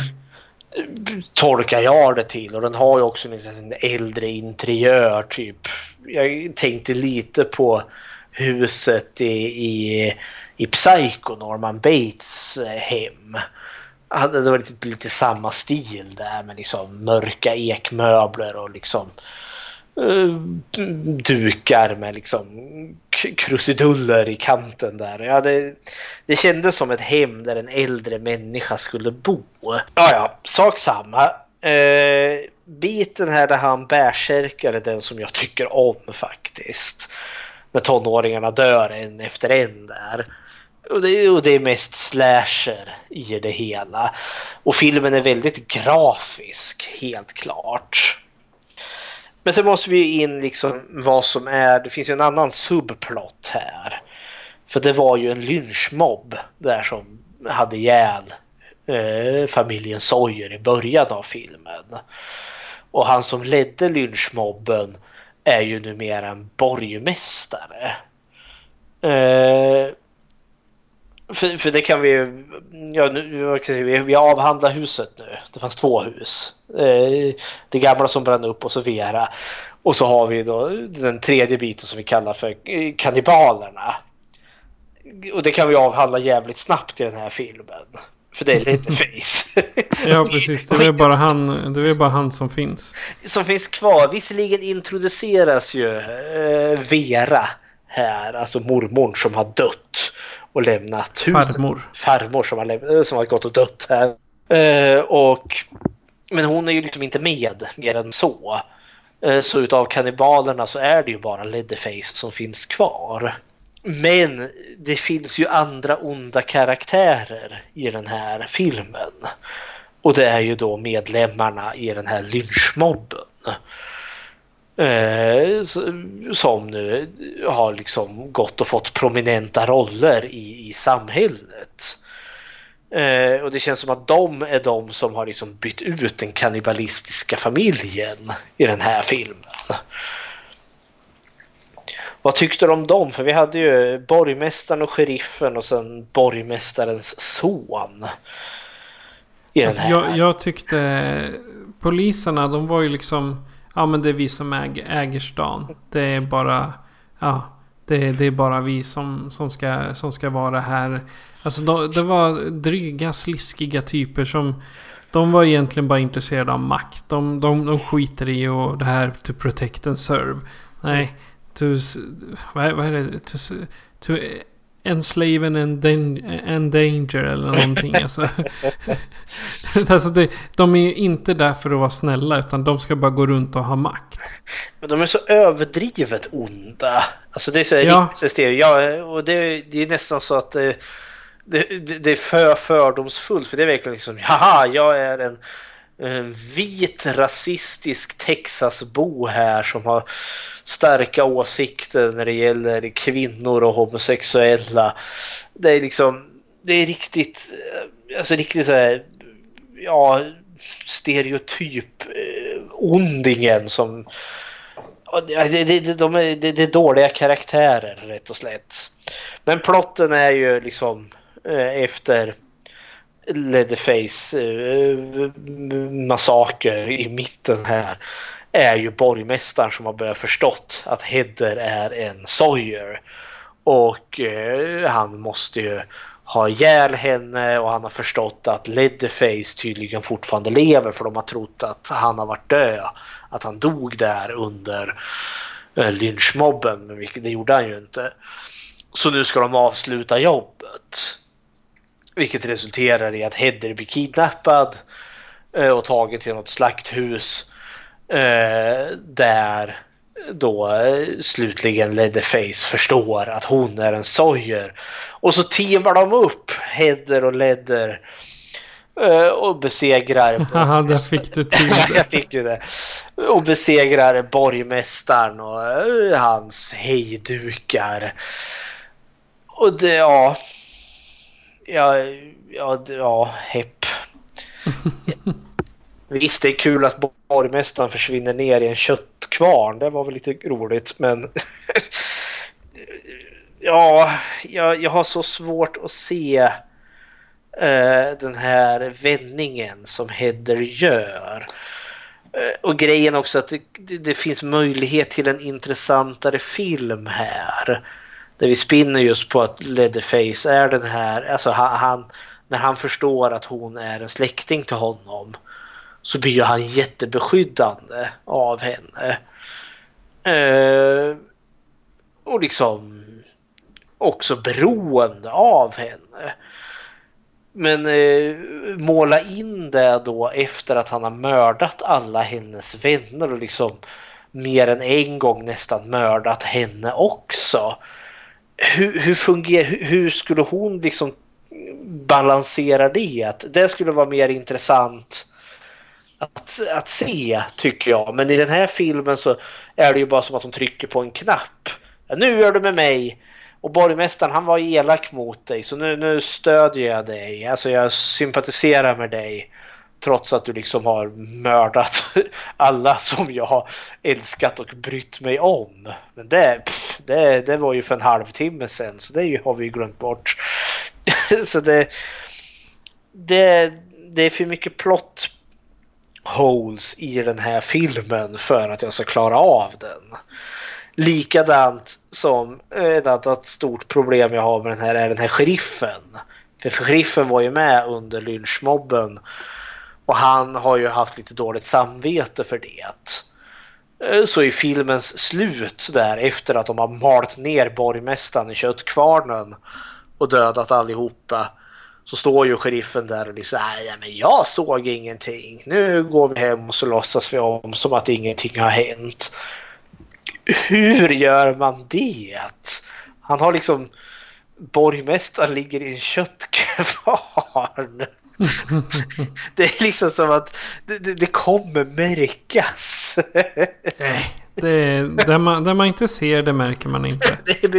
Men också sådär, en annan sån plot hole är ju borgmästarens son är ju vice sheriffen. Vilket är en poäng för han, eh, han kidnappar ju Heather. Och han får vi inte se att de gör så. Han hamnar inte i någon köttkvarn eller Leatherface sågar inte huvudet av honom. Utan han finns ju bara kvar. Borde inte han liksom kanske balla ur när han förstår att farsan har blivit köttfärs? Han var ju redan villig liksom att kidnappa folk och liksom eh, visa att han är villig att se åt andra sidan när pappa vill mörda unga kvinnor. Så ja, nej, dumt. Jag ska ge den här en scen som jag faktiskt genuint tyckte om. När filmen börjar närma sig sitt slut efter att borgmästaren blivit köttfärs och de återvänder hem. Heather och Leatherface. Och så bara sitter han, han sitter vid stolen i köket och hon, Hedde, liksom finns där liksom i bakgrunden och liksom vet liksom inte riktigt vad hon ska säga och göra. För liksom, bara för alldeles nyss så typ flydde hon ju för sitt liv för den här eh, mannen. Och nu sitter han här liksom snällt och fogligt i, eh, i, eh, i stolen här. Uh, och liksom hon, hennes makt över honom är ju ganska stor egentligen för han är enormt beroende utav henne. Det han, hon, kom, hon kommer ju kunna styra hela hans liv. Uh, och det tyckte jag var lite intressant. Det kände jag att det hade jag kanske sett hellre mer av. Kanske just Heather som kan styra och kontrollera Leatherface. Och kanske se hennes liksom typ nedstigningen och galenskap när hon börjar liksom mörda folk och använda Leatherface som ett mordvapen. Men det får vi inte riktigt i den här filmen. Men just den lilla scenen när de sitter där i köket. För den är också just för att den är tyst. De säger ingenting utan han bara sitter där och hon står där. Hon försöker väl titta hur han ser ut under masken. Och då viftar han ju bara bort henne. Han skäms väl för hur han ser ut? Ja, det gör han väl. Men liksom, ja. Fine. Det var lite intressant. Men sen är filmen slut. The end. Och ja. Nej. Slutkontentan av den här är att det är en dålig film. Full med plot holes. Uh, och ja, bara dåligt skriven, trista karaktärer. Någorlunda kul koncept. Men just att det här då ska vara någon form av genuint försök till en uppföljare till första filmen misslyckas den kapitalt. Och en annan sak som också irriterar mig något så fruktansvärt är ju att originalfilmen utspelar sig 74. Vilket de gör en poäng av. Och sen utspelar sig den här filmen bevisligen i nutid. Alltså ergo typ 40 år senare. Men hon hade ju varit mycket äldre då, Heather. Ja, hon hade ju... Egentligen för här, hon är ju bara 20 i den här filmen. Ja, och det är inte det. Och de anstränger sig eh, verkligen att försöka dölja årtalen. För när hon sitter och läser tidningar, liksom, oh massakern, eh, familjen Sawyers hus brinner ner, läser hon i någon artikel där, så står det liksom 1900 och så är det just, har bilden då skärts av precis så vi inte kan se vilket årtal det är. Precis likadant när hon läser någon polisrapport. Så står det liksom, oh det hände eh, 1900 och så är just det som ska följa efter 1900 liksom blivit svartmarkerat så vi inte kan se det. För att då liksom inte vi ska veta när utspelar sig den här filmen. Men det skiter ju sig kapitalt i och med att de springer omkring med iPhones. Alltså smarttelefoner och det blir en stor jävla grej av det vid något tillfälle. Där en av poliserna är nere och livesänder med sin mobiltelefon i Leatherface eh, skräckkammare där. Så då är det ju bevisligen liksom filmen eh, utspelar sig liksom i modern tid 2013. Men Heather... Och, det, och det, det, funkar ju inte för hon, eh, hon är ju född under... Det, hon är ju bebisen de stjäl. Ja. Men och det, om då, då, det då är strax efter första filmen 74 och de... Hon, hon skulle ju vara i 35-40 års åldern då med andra ja. ord. Men karaktären framställs ju ungefär som att hon precis har slutat gymnasiet och är typ 20 år gammal. Och det är också sådär liksom, tror fi- behandlar filmen mig som om jag vore dum i huvudet. Ungefär. ja. Nej, Texas Chainsaw 3D var ett riktigt magplask. Även om mittenpartiet var intressant. Så jag ger den här två tummar ner. Usch och fy. Alltså för, för min del så... Det här är en av de få filmerna som faktiskt ge, får ett slut utav alla Texas-filmerna. För de flesta utav de andra har liksom öppet för en fortsättning. Ja. Det är nästan stort sett alla. Men här får vi verkligen att de knyter ihop säcken, hittar en förklaring. Och sen liksom... Ja, så nu, nu lever de lyckliga i alla sina dagar. Och han sågar huvudet av alla som hotar Heather. Mm. Typ så. Det, ja, men det, det är den känslan man får. För det är aldrig att eh, man behöver oroa sig för... Ja, det vore ju om de skulle då komma med ännu en lynchmobb och försöka ta koll på de två. Mm. Men det, det, den här... Det gillar jag med filmen. Att det var...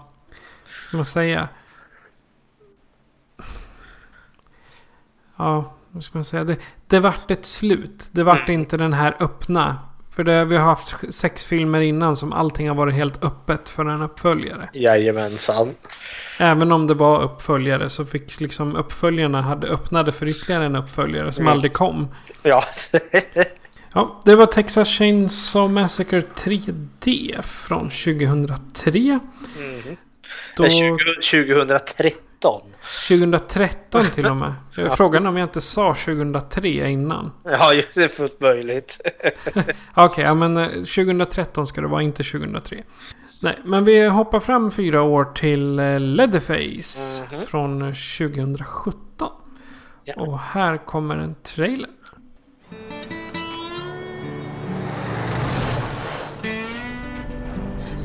You trying to make us crash? You want me to stop?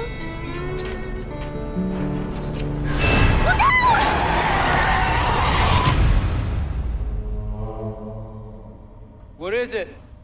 I don't know.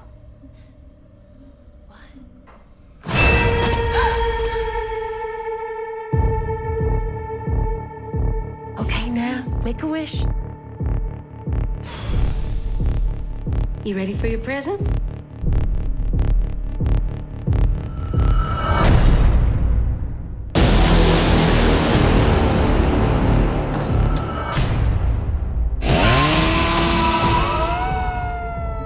You let those boys go this instant. He's not under arrest. He's under protection. What are you talking about? I'll take all yours, Vernon. All of them. The state of Texas instituted an endangered child care program.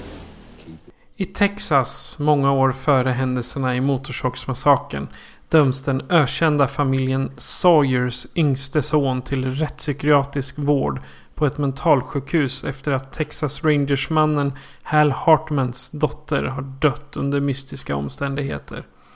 Tio år senare kidnappar den nu tonåriga Sawyer en ung sköterska och rymmer tillsammans med tre andra psykfall. Jagad av polisen och den galne Texas Rangern som vill hämnas sin dotters död ger sig Sawyer ut på en våldsam och infernalisk resa som formar honom till det monster som vi nu känner som Leatherface. Och även det var baksidan till min Blu-ray från Scambox. Fantastisk bild. Och eh, Fredrik, vad är dina initiala tankar till Leatherface från 2017? Eh, blandat eh, kan jag villigt erkänna. För när jag såg den här första gången då såg jag den utan att ha särskilt mycket förkunskap om filmen. Och då var jag gruvligt eh, besviken på den. Och jag utnämnde den till den sämsta utav alla motorsågsfilmer, alla kategorier. Nu när jag såg om den vetandes vad som, vad eh, eh, som komma skulle i den här filmen eh, så kunde jag se mycket mer som jag faktiskt tyckte om i den. Men det här är för mig en problematisk film. För det är en bra film. Men den har många problem och problemen består i att den knyts samman med Motorsågsmassakern och med den kanon som finns där. Hade man skippat det tror jag den här filmen hade blivit mycket, mycket bättre. Men som sagt, eh, jag har blandat förhållande till Leatherface. Vad är dina ta initiala tankar kring Leatherface? Leatherface, jag gillar ju den förra Leatherface. Alltså den eh, prequelen som kom eh, 90 har jag för mig. Ja, 90. Mm. Den, eh, den, den förra Leatherface som... Ja, den var väl lite sisådär. Den, den berättar ju en helt annan historia än den här. Mm. Men just att det var en prequel och att det var en ny om själva Leatherface. Som kanske är lite modernare än den ifrån 90 det gjorde mig lite mera intresserad. Om man ska säga. Och ännu en gång så har vi den här eh, sjuka polisen som är sjuk i huvudet och bara vill ungdomarna illa.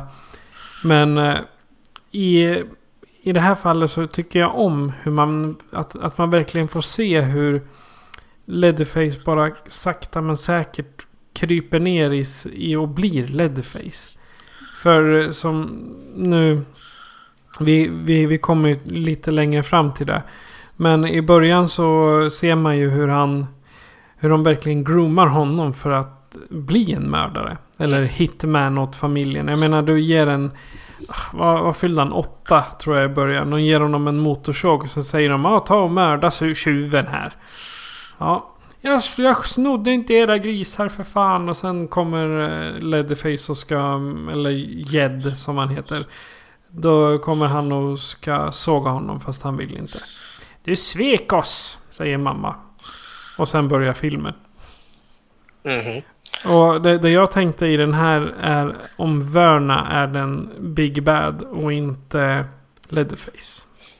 Det var min första tanke jag hade. Mm -hmm. Men ska vi gå och göra vår lilla checklista? Jajamensan. Först har vi våra karaktärer platsen och kannibalerna. Men den här filmen ställer till det. Alltså ända fram tills nu har vi kunnat haft den här ganska typiska, eh, ja, som jag gått igenom varje gång eftersom att nästan varje film har varit den andra lik, har följt den här formulan hela tiden. En gäng ungdomar, en grupp personer kommer till den onda platsen och möter den kannibaliska familjen. Det här är ju faktiskt den första filmen eh, som ändrar eh, på det här konceptet. I och med att vi inte rör oss vid kannibalernas hus överhuvudtaget. Det här är ju betydligt mer av en road movie. De är ju på rymmen under majoriteten utav den här filmen. Eh, så den här funkar inte riktigt. Plus också att den här filmen bygger ju på att vara ett mysterium. Och mysteriumet bygger i att vi som publik vet inte vem som är Leatherface. Vi introduceras till ett gäng ungdomar som är på rymmen från ett mentalsjukhus. Och en av dem kommer bli Leatherface. Vi vet inte vem. Och det ska då vara liksom knorren på slutet på den här filmen. När vi får reda på aha, det var den personen som var Leatherface. Och framförallt hur han blev Och hur han Leatherface. blev Leatherface. Och det är här som, ja, för vi, vi, vad har vi för goda karaktärer här egentligen? Mm. Vi har sjuksköterskan. Lizzie. Lizzie. Eller Vanessa ja. Gress, Grasse. Grass. Ja, som, uh, som uh, vad heter det? skådespelerskan heter. Och uh, hon blir ju kidnappad av de här mentalpatienterna. sen har vi väl Jackson får ändå så räknas med som en av mentalpatienterna. Som... Eller Sam Strike. Ja. Som karaktär, eller skådespelare heter. Eh, och så har vi då eh, Bub. Eh, som, Nej, Bud. Bud. Bud. Som den tredje något mer sympatiska karaktärer, åtminstone en karaktär som vi ska sympatisera med. Eller Sam Coleman som han Ja. heter. Också kanske mest känd som att det var han som spelade den unge Hodor i eh, Game of Thrones. Jajamän. Mm. Året innan han fick eh, rollen i Leatherface. Jajamän. Eh, pff, det är väl egentligen de enda liksom, karaktärer som är någorlunda liksom, sympatiska. Eller ja, Jackson och Bub är väl liksom lite mer tveksamma men de tenderar mer åt att fi- filmen vill måla ut dem som mer sympatiska, att vi ska heja på dem. Så det gjorde jag faktiskt. Ja. För jag tyckte de, de var liksom... De var snällare och som Jackson säger att till, eh, till Lizzie där att du är den första snälla. Mhm. Ja, jo men det. Men det är också för vi är... Vi, det finns många karaktärer i den här filmen. Men nästan ingen av dem är sympatiska. Så vi har ett ganska rejält skurkgalleri här. Eh, det är våra sympatiska karaktärer. Eh, och ja, de funkar. Alltså, alla skådespelarinsatser i den här filmen är väldigt, väldigt väl. Det är bra skådespeleri överlag i den här filmen. Och om vi då, ska liksom eh, checka av den här klassiska listan som vi har gått. God plats, eh, goda karaktärer, platsen, onda karaktärer. Så kan vi göra för platsen är ju densamma. Det är originalhuset i första filmen. Sen är den, befinner vi oss en kort stund på ett mentalsjukhus och sen är vi på rymmen eh, resten av filmen. Så vi har inte mycket av en plats i den här filmen. De onda karaktärerna. Vi kan väl börja med, med, med kannibalfamiljen. Vilket är då originalfamiljen. Det, det är Drayton, kocken, det är Nubbins, eh, liftaren där då fast i väldigt ungt format. Eh, och vi får se morfar eh, för första gången vid liv. Eller ja, där han inte är liksom torrt, torr gammal gubbe som sitter och skakar. Eh, och den enda nya som introduceras är ju då eh, matriarken eh, Vera. Som jag då förstått är samma Vera från Verna till och med. N. Ja, Verna. Eh, som är då samma Verna som i Texas Chainsaw 3D. Eh, så den här, så vi har liksom en trilogi här nu. Vi har då alltså Leatherface, är prequelen, det är första filmen, Leatherface från 2017. Eh, Motorsågsmassakern från 1974 är mittenfilmen och Texas Chainsaw 3D är sista filmen. Eh, och det är en trilogi som suger skit tycker jag. Om jag ska vara brutalt ärlig. För det är liksom eh, prequelen och eh, Leatherface och Texas Chainsaw 3D passar inte ihop. Med Inte för fem öre. med originalfilmen som är ett genuint mästerverk. Och det är det som är problemet här. För att jag, jag tänker säga liksom att Leatherface hade varit en genuint bra film om vi hade skippat Motorsågsmassakern-biten. För den faller sådant på sin egen logik. Vi får för mycket plot holes eh, som inte går ihop eh, med eh, vad liksom är originalfilmen. Eh, för det, liksom, det stämmer inte. Hur? Va, va, vad? Nej, det här går inte. Byt bort familjen Sawyer. Den här kannibaliska familjen. Byt ut dem mot vilken kriminell familj som helst. De, de, familjen Dalton från Lucky Luke. Det är väl, alltså, problemet är just att det här ska vara familjen Sawyer och att vi ska få se födelsen av karaktären som är Leatherface som vi har lärt känna i sju filmer innan den här filmen. Och det som de förklarar som är eh, den personen som visar sig vara Leatherface kan inte jag köpa för fem öre är den som blir Leatherface.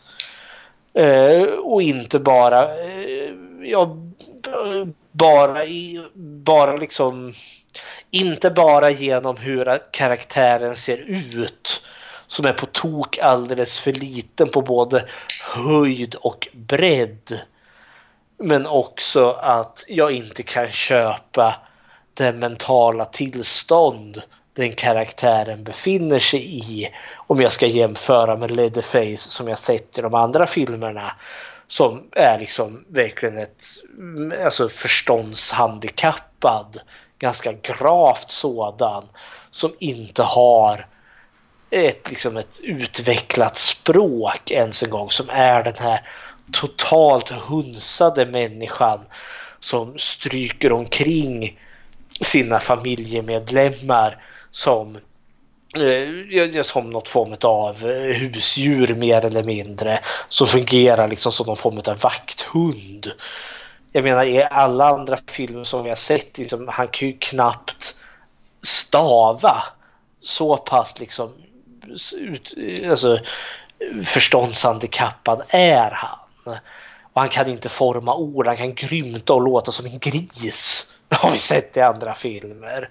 Men i den här filmen så ska vi då förstå att eh, den som är Leatherface var en väldigt vältalig, charmig och empatisk ung man innan han blir Leatherface. Det går inte ihop för fem öre, tyvärr. Nej, det är väl alltså det, det, är lite långsökt. För bara för att du blir... Ja, men det, det, det är en sak som jag tänkte på. Nu hoppar vi väldigt långt fram i ja, filmen. Men han blir ju skjuten. Och jag tänker, beroende på vart han blev träffad. Mm -hmm. Men sånt, bara en skallskada kan ju försätta dig i ett sånt tillstånd att men han kanske hamnar där talcentrat stör och nu sitter det visserligen väldigt djupt in i hjärnan men det räcker med att några synapser bränns av så då är han ett kolli sen. Han kan ha ja. förlorat allt det där så han, Grej... han blev efterbliven helt enkelt. Ja, grejen är ju visst jag hade kunnat köpt om kulan hade gått genom hans huvud. Att han hade fått en hjärnskada. Men nu är det ju så uppenbart att han liksom blir skjuten från kind till kind. Och förstör hans mun det är inte, alltså jag ser ju inga som helst tecken på att han har fått en hjärnskada på grund utav eh, skottet som han får. Hade liksom, liksom kulan gått igenom huvudet på han Ja, då hade jag mer kunnat köpa det. Men nej, inte från kind till kind. Och visst, den trasar ju sönder hans mun totalt, helt klart. Liksom tänder och tunga och allt är liksom kaputt. Men hjärnan är det inget fel på. Så nej, nej, det funkar inte. Jag har som sagt, vi har gått händelserna väldigt mycket i förväg här nu. Uh, vi har ju inte mycket till plats så att säga. Vi hade originalhuset och vi har mentalsjukhuset som vi befinner oss på. Eh, anledningen till att vi befinner oss där är ju då för att familjen Sawyer, precis som du beskrev innan där, eh, är en familj som eh, roar sig med mord, verkar det som. Och när Jebediah Sawyer fyller sju eller åtta här nu så ska han då eh, sig upp i någon eh, mogningsritual genom att såga ihjäl någon till döds. Och det vill han ju inte göra. Bara för att sen ändå så vara med några dagar senare där han liksom spelar en väldigt stor roll i att locka en ung kvinna till, till sin död. Han, han ligger ju liksom... Ja, vad är det? Han ligger i ett djurkadaver mitt på, på vägen. Han har ju klätt ut sig till en gris. Ja, fast han har ju typ ett eh, kohuvud på huvudet. Ja, just det. Och det, ja, de tror att det är en gris som kryper. Ja, och det, det är en väldigt effektfull scen. Alltså, obehagligt värre. Det är ett par som är ute och åker där så ser de den här bara de tror är en gris på vägen. Och så eh, vänder, stannar de och hon kliver ut och så ploppar han ju upp där. Kliver ut ur griskadavret med det där kohuvudet på sig. Och hon liksom, åh det är bara en pojke. Det kunde jag inte riktigt begripa. Alltså hade jag sett en åttaårig pojke klättra ut ur ett griskadaver med ett dött kohuvud som en mask på sitt eget huvud så är inte, vet jag inte riktigt om jag skulle reagera. Åh, men det är bara en pojke som ligger där och leker i djurlik. Jag tycker hennes reaktion är märklig. För jag skulle nog tycka att det här är nog det mest, upp, det mest galna jag har sett i hela mitt liv. Om jag skulle ha sett det i verkligheten. För han hojtar ju “Hjälp mig!” och så springer han iväg in i skogen och hon rusar efter. Du kan komma fram nu. Vi ska inte röra dig. Ja, alltså det, hennes reaktion är jättemärklig. Eh, ja, grejen är ju den då att hon lockas in i en fälla. Helt enkelt där hon rasar ner genom golvet på någon ladugård och slår sig fördärvad. Bara på Drayton dyker upp eh, och typ eh, släpper en bilmotor på henne som blir bara blöt fläck. Eh, och då förstår vi senare att den här tjejen som dog det var sheriffens dotter. Hal Hartman spelad av Steven Dorff. Eh, och han blir ju yxtokig. Eh, såklart förtvivlad. Hans dotter är död där. Men vi förstår också att han i sin tur har misstänkt familj, alltså Sawyer familjen Sawyer har någonting med saken att göra. För han säger ju liksom att så fort det är en olycka, någonting har hänt, ja då är det alltid någon från familjen Sawyer som befinner sig på olycksplatsen. Så vi förstår liksom att det har skett en hel del skit här. Men i och med att de säger att det här är bara en olycka och han kan inte bevisa att de har mördat hans dotter så väljer han att jävlas med Verna Eh, och liksom omhänderta eh, Jebediah Sawyer där då, den uh, unge Leatherface. Eh, och placerar honom på något, eh, på Dr. Gormans mentalsjukhus. För det är någon klausul där man då så kan omhänderta barn från familjer som man misstänker är dåliga för dem kriminella familjer för att helt enkelt ge barnen en bättre uppväxt. Och det lyckas ju väldigt bra. Ja, det går sådär. Något, ja, och det är då vi, som då vi hamnar på mentalsjukhuset. Och det, det är då liksom tio år senare befinner vi oss där.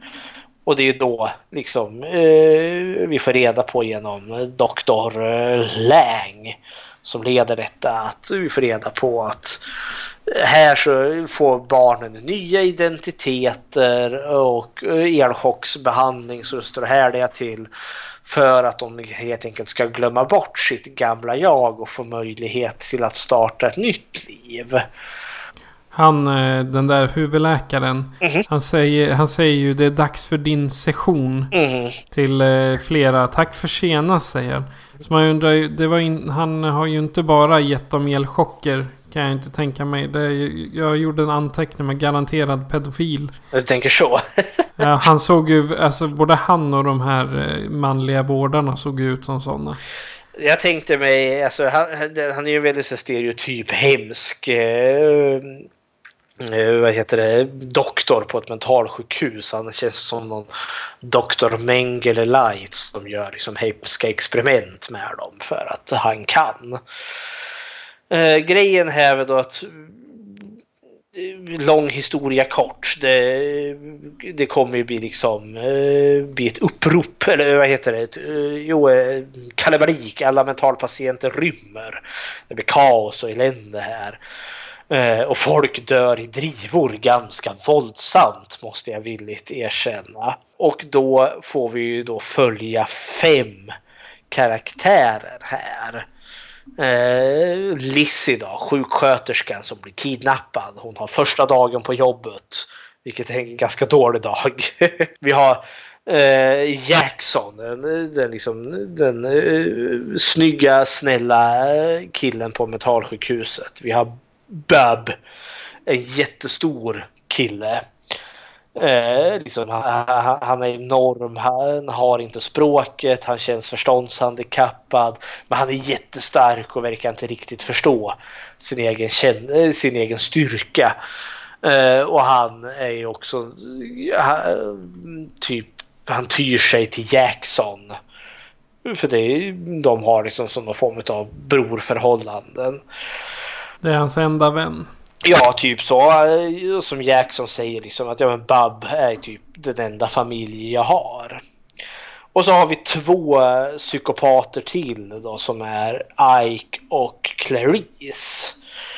Uh, ja, hon var bra sjuk i huvudet, ja. Clarice. Alltså. Och de är ju drivande till, för det är i regel de två som håller Lizzie, Jackson och Bub mer eller mindre gisslan.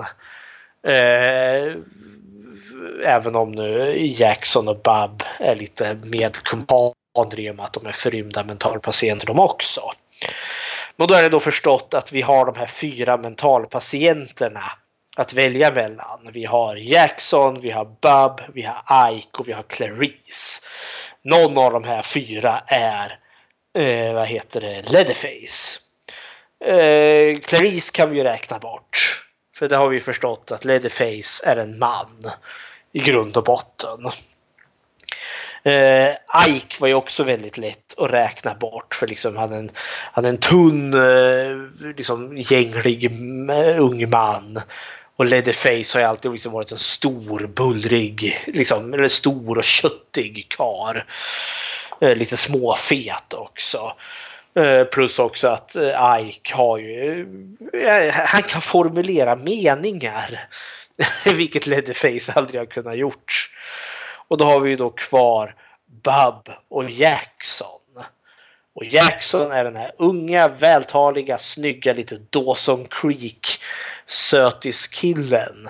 Och så har vi då Bub, den stora, klumpedunsiga, köttiga killen som inte har språket, som verkar förståndshandikappad på något vis och vänster. Vem av de här två visar sig vara Leatherface? Jo, det är ju snyggkillen Jackson. Och det var ju här vi var inne och pratade om innan att alltså det här att till, alltså vändningen för Jackson kommer när han blir skjuten i munnen. Där. Det har jag så svårt för. Och att Bub är ju så uppenbart till för att försöka lura oss som publik. Att vi ska tro att oh, det är han som är Leatherface. För han är så mycket mer passande att vara Leatherface. Eh, eftersom att det är ungefär så den karaktären har varit i alla andra filmer.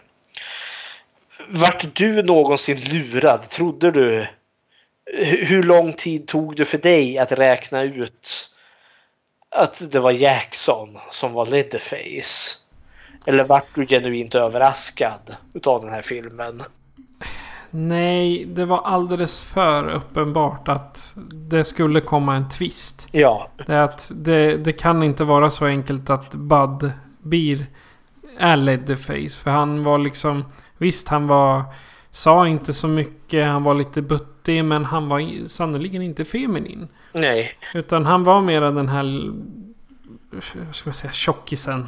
Mm. Det utan att det ska vara elakt. Det var, han var liksom den som rultade runt där och som ingen tyckte om. Liksom. Mm. Det, det, ja, men det var så, så han målades ut. Han var ju också livsfarlig för han, han var ju den här starka. Jag menar Bud dödade ju flera personer under den han här la, filmen. Det var väl något så här fosterhem han stoppade dem i koma. Ja, eh, någon, någon pappa eller någon fosterförälder hade han ju misshandlat så de låg i koma numera. Och han krossade ju Dr. Langs huvud. Uh, han, han spräcker ju också skallen på, på Ike. Där han placerar ja, hans huvud mot en sten och sen upp med foten och så trycker han till. Så det bara Lite stulet från American History X. Ja. men alltså för Bud liksom känns, ja men det, det, om den karaktären hade blivit Leatherface då hade jag trott det. Nu är det inte så utan istället är det liksom en den unge snälla snygge Jackson. Och det, det, det är så fel. Det är så malplacerat. Och det här som är det stora problemet med den här filmen är just att det ska vara Leatherface. Att det är en del av den här franchisen. Uh, för det förstör så mycket. Uh, det hade varit bättre säg om Säg, för Jackson är ju då Jebediah Sawyer som eh, Verna vill åt så mycket. Eh, för det är återkommande hur Verna hela tiden vill ha tillbaka eh, sin son eftersom att i familjen Sawyer är ju familjen alltid viktiga. Så is family som de säger. Och jag hade köpt det bättre säger om Jackson då hade fått vara Jebediah Sawyer och han dör polisen skjuter ihjäl han där, bom, bom, bom. Eh, och Verna är helt förtvivlad men så eh, ja, finns ju Bub där. Så hade hon ju kunnat liksom tagit honom istället. För Verna är ju så ytterst manipulativ. Så hon hade ju kunnat format, eh, vad heter det, Bub till precis vad som helst. För han är ju så lydig Eh, så jag menar om hon hade kommit och sagt att nu ska vi eh, såga huvudet av den här personen med motorsåg, då hade Bud gjort det. Hade hon sagt åt honom att jo, men nu ska du sätta på dig eh, det avskurna ansiktet utav någon människa här, då hade han gjort det. Så det hade kunnat funkat bättre som ja, en origin story till Leatherface. Men den här Jackson, nej det funkar inte alls. Vilket får mig att undra om det var liksom var det här grundmanus hela tiden? Eller har man liksom ändrat i det? Den känns nästan lite som en av de här Hellraiser-filmerna som vi såg. Att det fanns ett förexisterande manus och så slängde man in lite Hellraiser för att få den gjord. Är det samma här att det fanns ett förexisterande manus men för att få den producerad, ja men då slänger vi in lite Motorsågsmassakern. Så kan vi marknadsföra och sälja det. Det känns lite så. Det är sant. Med det sagt så har den här filmen en väldigt hög kvalitet. Den är väldigt snygg. Eh, och jag är också genuint investerad i de här ungdomarna när de är på rymmen. Jag är investerad i dem i deras tid på mentalsjukhuset och flykten från mentalsjukhuset. Och sen när de är på rymmen ifrån eh, polisen där. Och det är det som gör den här filmen så, så märklig för mig. För det finns verkligen en genuint bra film här. Men som harpuneras av just franchisen Motorsågsmassakern. Jag tror liksom hade man kunnat skippat den biten och bara levererat en, en blodig och gritty road movie om ett förrymda psykotiska ungdomar. Då hade det här varit en så mycket bättre film det är min, mitt slutord med den här. Men jag är glad att jag har sett om den för jag har omvärderat den nu. För jag tycker bättre om den. Men tycker att, eh, ja, att det är sorgligt. för det kunde ha varit en så mycket bättre film än vad det är. Okej, okay. Jag, alltså jag gillade den här Leatherface igen. För eh, särskilt slutet. För här får man också en förklaring. Eller en alternativ möjlig, kanske eventuellt förklaring till varför han är som han är. Mm. Men eh, som, som Leatherface i de tidigare sju filmerna, där är Leatherface stor, han är rultig och kraftig. Mm. Även i Leatherface 90 så är han ju redan som barn så stor. Ja. Men eh, ta den tanken jag fick efter att ha sett 2017 är att Visst, han blir, han blir fackad i huvudet av eh, det där skottet och han eh, blir mordisk. Men då också, i och med att han får svårt att äta och så, då kan han bara äta tjock mat och då växer han på grund av det. Ja, fast han kan inte växa på höjden. Visst, han kan bli Nej. fet, men han behöver Ja, växa nej, typ det- två huvuden till. Ja, precis. Ja, men det, det hade de ju lätt kunnat löst genom att använda en längre skådespelare. Man tycker det. Men då hade ju hon, eh, Lizzie, då hade de behövt haft en kraftigare kvinna mot honom. För hon har ändå att sätta emot honom sin, eh, ja, sig själv, sin personlighet, sin charm. Mhm. På så vis. Att, eh, mm, jag gillar Leatherface men samtidigt den har sina brister. Mhm. Så är det, det kan vi nog vara överens om. Ja, det är det sista jag har att säga om Leatherface Ja. 2017. Mhm. Ja, då har vi det här. Grattis till oss. Nu har vi gått igenom alla Texas Chainsaw Massacre-filmerna. Jajamensan. Nu har vi gått igenom ytterligare en franchise. Ja. Men eh, innan eh, vi lämnar Leatherface och Texas Chainsaw 3D så ska vi göra Bechdel-testet på dem. Det ska vi. Eh, Vi börjar med 3D. Då. 3D. Jajamensan. Då ska vi gå igenom de tre frågorna där. Finns det två namngivna kvinnliga karaktärer? Och svaret på den frågan är ja, det gör det. Vi har ju Heather och Nicky bland annat. Eh, två, träffas de här karaktärerna någonsin varandra? Ja, det gör de. Heather och Nicky är ju tjejkompisar där.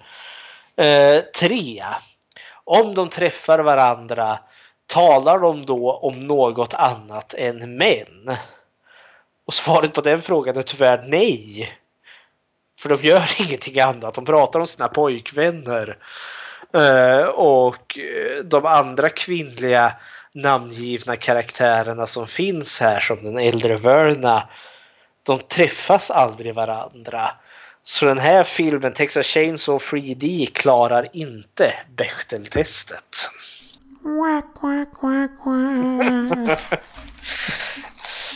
Ytterligare ett eh, streck emot den. Det gjorde den inte bättre. Nej. Och Leatherface 2017. Leatherface 2017, samma där då. Finns det mer än två eh, namngivna kvinnliga karaktärer? Ja, det gör. Ja. Vi har Verna, vi har Lizzie, vi har Clarice. Eh, träffar de någonsin varandra? Ja. Eh, Verna träffar Lizzie bland annat. Jag tror de enda två karaktärerna som träffas. Nej, eh, och, och, och Lizzie träffar ju också Clarice. Ja. Och om de träffar talar de om någonting annat än män. Ja, det gör de. Eh, Jag menar, Clarice hotar Lizzie med allt möjligt otäckt. Eh, och Verna, samma sak där. Det slår mig att när de här kvinnliga karaktärerna möts så är det bara med mordhot hela tiden. Ja, stackars Lizzie. Hon får, det enda hon får av andra kvinnorna är liksom I'm gonna kill you. Fuck you. Uh. ja, det, det är inte lätt att vara Lizzie här. Men så Leatherface från 2017 klarar Bechdel-testet. Och hur, hur är det? Det är två som inte har klarat Bechdel-testet i hela franchisen. Ja, det är det väl. Jag har för mig, för det bara är två. Nu måste jag tänka här bara för det. Jag kommer inte ihåg vilken. Jag, jag vill säga... Nej, inte jag, inte jag heller. Men det har, vi har eh, inte haft eh, att någon inte klarar Bechdel-testet varje avsnitt. Utan jag tror vi bara haft två som inte har klarat det. Om det var re- remaken som kanske inte klarade det. Nej, jag tror inte remaken. Ja, jag, jag minns inte. Lyssna bakåt. Ja, man borde... Vilken av dem var det som inte klarade sig förutom eh, Texas Chainsaw 3D? Exakt. Okej, men eh, vad sägs om att göra en eh, topp 8 över filmerna? Jajamensan, rankar dem från sämst till bäst. Ja. Och eh, jag vet att vi kommer ha helt olika listor. Mhm. Så att eh, ska vi köra varannan eller vill du köra hela listan först? Vi kör varannan, så vi kör liksom eh, min sämsta, din sämsta eh, och så, och så går vi liksom ända till toppen sen. Okej, okay, men då får du börja. Min sämsta nummer åtta längst ner på kvalitet. Det blir då Texas Chainsaw 3D. Den får bottenbetyg. Trots att det finns ett underhållande mittenparti. Så är plot holesen på tok alldeles för stora. Eh, och filmen behandlar mig som tittare som om jag vore dum i huvudet. Och det uppskattar jag inte. Så bottenbetyg. Jag är faktiskt böjd åt samma håll där. Texas Chainsaw Massacre 3D, den kan vi köra i köttkvarnen och strö ut över någon torr åker någonstans och hoppas att den blir nedplöjd så långt ner i marken som det bara går. Ja men eh, man ska ju gödsla med skit. Så. Där fick du till det. Mm. Nummer sju har jag placerat Leatherface eh, Texas Chainsaw Massacre 3. Alltså inte Leatherface från 2017 utan den som kom 1990. Den första filmen som heter Leatherface. Eh, Bisarrt nog. Eh, den eh, hamnar på tredje plats. Lite sorgligt nog för att den är det finns potential i den filmen men den är så uppenbart eh, påverkad av producenterna som har liksom varit där och pillat och den har liksom klippts och klistrats i den.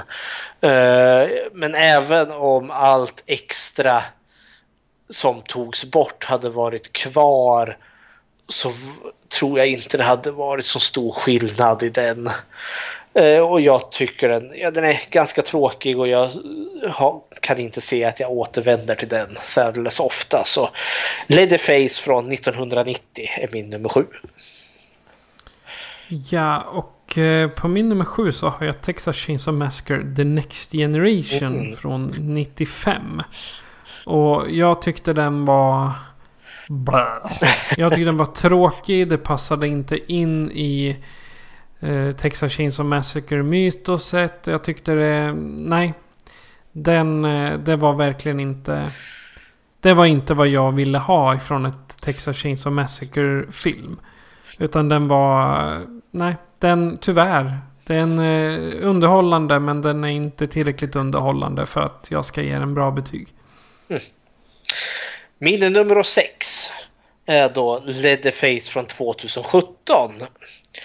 Eh, som tidigare hade hamnat längst ner på min lista. Men som nu när jag har sett om den uppskattar den lite mer. Just med det att, som, som jag sa tidigare, att det finns en bra film här.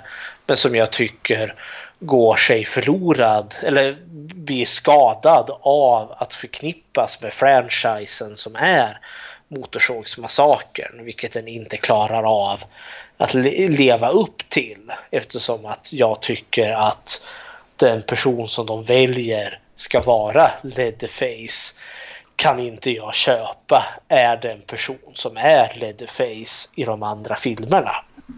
Men ändå så en, en bra film i den någonstans. Och den är trots allt sevärd men kommer lite längre ner på min lista ändå.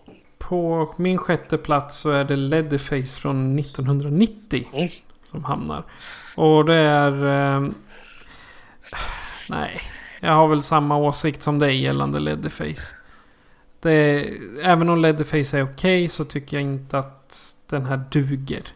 Den duger inte för mig. Utan eh, då, då föredrar jag en annan eh, som kommer lite längre fram sen. Eh, men eh, som sagt, Leatherface, nej tyvärr grabben. Du kommer inte kunna, den från 90 då, då skärmar du inte mig särskilt bra.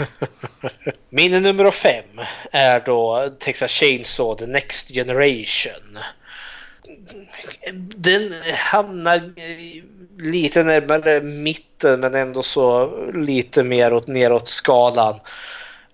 Eh, den är så märklig som du sa, liksom, den, den håller inte riktigt tonen. Eh, det är inte ens säkert att de är kannibaler i den här familjen eh, den här gången. De äter ju pizza i den. Kommer jag De är, de är liksom allmänt störda bara. Ja, men den är så märklig. För du har liksom Matthew McConaughey och Uh, andra kändisar, nu kommer jag inte ihåg vad hon heter nu bara för det. Re, René... Uh, ja. René Schwarzschlager, vad hon nu heter. Vad sa du att hon hette? Nej, det är jag, jag som inte kan uttala. jag hade det uppskrivet här någon gång i tiden. Vi ser Renise Witherspoon, men det, det, det, det är fel. Nej, hon heter Renée Zellweger. Renée Zellweger, så är det Det var det jag sa. Enda anledningen till att den här filmen kom var ju för att Matthew McConaughey och Renée Zellweger senare fick en större karriär. Och det här var ju en av deras tidiga filmer och den här filmen hade ju hamnat på hyllan och låg och samlade damm. Så det är ju enda anledningen att vi har dem är att de två skådespelarna varit stora. Men det är ju också en märklig jävla film. Alltså det är en gap och skrikfilm utan dess like så den är ju större än oss in i Norden. Men märkligt nog så har jag lite mer större underhållning att återvända till den här filmen för jag, jag tycker liksom att den är så jäkla märklig. så att bara det i sig är underhållande. Så det är min nummer fem. Ja, min nummer fem är eh, remaken från 2003. Mm -hmm. Den är ju... Ja, den, den får en bättre placering än, äh, än Leatherface-filmen just på grund av att jag tycker den är underhållande. Mm. Det, är, man, man, det är en sån här film som man bara äh, gå och dö någon gång då, så att jag kan få stänga av min spelare och gå och lägga mig istället. Typ så. Jag, tyckte inte om någon av, av, av karaktärerna i den. Så det var liksom... Eh, den, är, den är lite som Fredag den 13 remaken. Alltså, bla. Det fanns ingenting som var populärt, alltså positivt med... Ja, det var väl något enstaka. Men eh, det är lättare att lyssna tillbaka. Nu är det några veckor sedan vi pratade om den. Men eh, nej, den funkar inte för mig. Det är just därför den hamnar mitt i. För den, den funkade rent handlingsmässigt men jag tyckte inte om någon av karaktärerna. Min nummer fyra är då remaken. Eh, och jag håller ju med dig just att vi har ganska osympatiska karaktärer som jag störde mig ganska rejält på. Men för att vara en remake så är den ganska bra ändå. Jag gillar eh, den nya familjen som introduceras som är väldigt ikonisk. Eh, och den har en ton som jag tycker ganska mycket om. Även om den nu lämnar en hel del att önska med just huvudkaraktärerna. Så det är min nummer fyra. Ja, och min nummer fyra är Texas Chainsaw Massacre 2. Motorsågsmassakern 2. På eh, radiostationen. Japp. De är fantastiskt roliga de här nissarna. Och man, man får inte glömma han eh, nissen som kommer med fyra motorsågar. Eh, vad, vad han heter. Eh, Dennis Hopper, ja precis. Det är, han är typ enda orsaken till att, eh, att tvåan hamnar på fjärde plats. För det är verkligen han, eh, han gör hela filmen och det, det, spelar ingen roll att det är liksom blä, skit allting annat. Men tack vare Dennis Hopper så, så sitter filmen. Mm. Det, det är tack vare honom jag älskar den filmen. Eh, min nummer tre är då Texas Chainsaw Massacre del nummer två. Uh, och det är Toby Hoopers andra film här. Och ja, det, det, här är ju en skräckkomedi. Och den är jätterolig, precis som du säger med radiostationen och alla deras äventyr och sen hur de hamnar i grottan på nöjesparken där. Med eh, massa ben överallt. Med massa ben överallt. Och det är här vi får den här The Saw is family. Och den är så enormt överdriven så det är inte klokt. Men det är, det är en riktigt rolig pastisch film det här. Och eh, det är kul också att det är samma regissör som till originalfilmen som nu liksom väljer att driva med sin egen film. Jag tyckte den är, den är väldigt underhållande. Så det är min nummer tre. Och min nummer tre det är Leatherface 2017. Mm.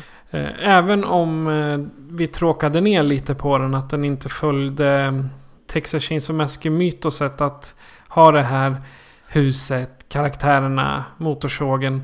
Så gav den mig ändå en... Alltså det- jag tycker den var en bättre inledning till franchisen än vad eh, den tidigare prequelen, den från 90, vad, vad, vad den gav. Utan här var det verkligen, det var lite som My Friend Damer. Samma, samma stil, alltså du, du träffar Leatherface när han är barn. Egentligen. Så skillnaden här är väl då att han, han är inte så besatt av hur det ser ut inuti. Liksom. Utan han är bara missförstådd. Och sen så råkar han hamna i, i, i bråk och så blir han skjuten och så blir han Leatherface. så det, det är typ min, min å- Nu har vi, vi har ju pratat om det nästan en timme redan så då jag lämnar det där. Min nummer två är då Texas Chainsaw The Beginning.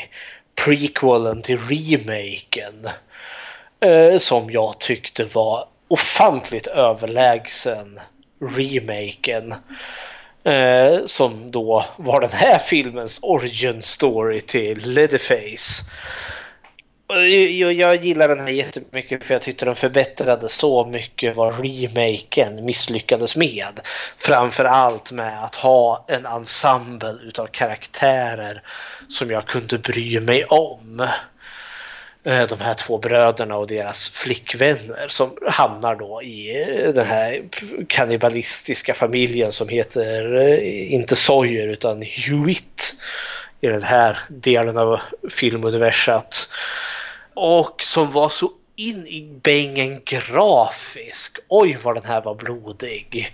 Jag tror nog att eh, Texas Chainsaw eh, The Beginning och Leatherface 2017 är de blodigaste i den här serien. Men jag var väldigt underhålld utav Texas Chainsaw The Beginning. Så det är min nummer två.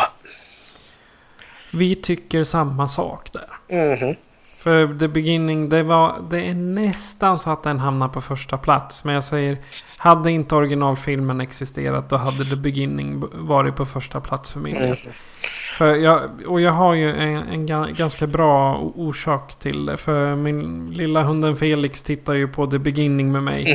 Och gav, eh, och gav Leatherface en rejäl utskällning där. Så när, när till och med hunden blir rädd för vad som händer på tvn. Ja, då är det en bra skräckfilm. Mhm.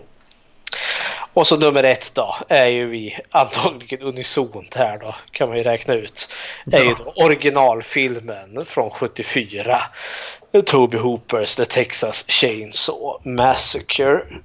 Och den är för mig helt självklar som nummer ett. Helt I klart. I och med att den är så trendsättande som den är. Det går, alltså jag kan inte hitta någon film liknande den här filmen innan. Jag kan hitta filmer som jämförs med Motorsågsmassakern.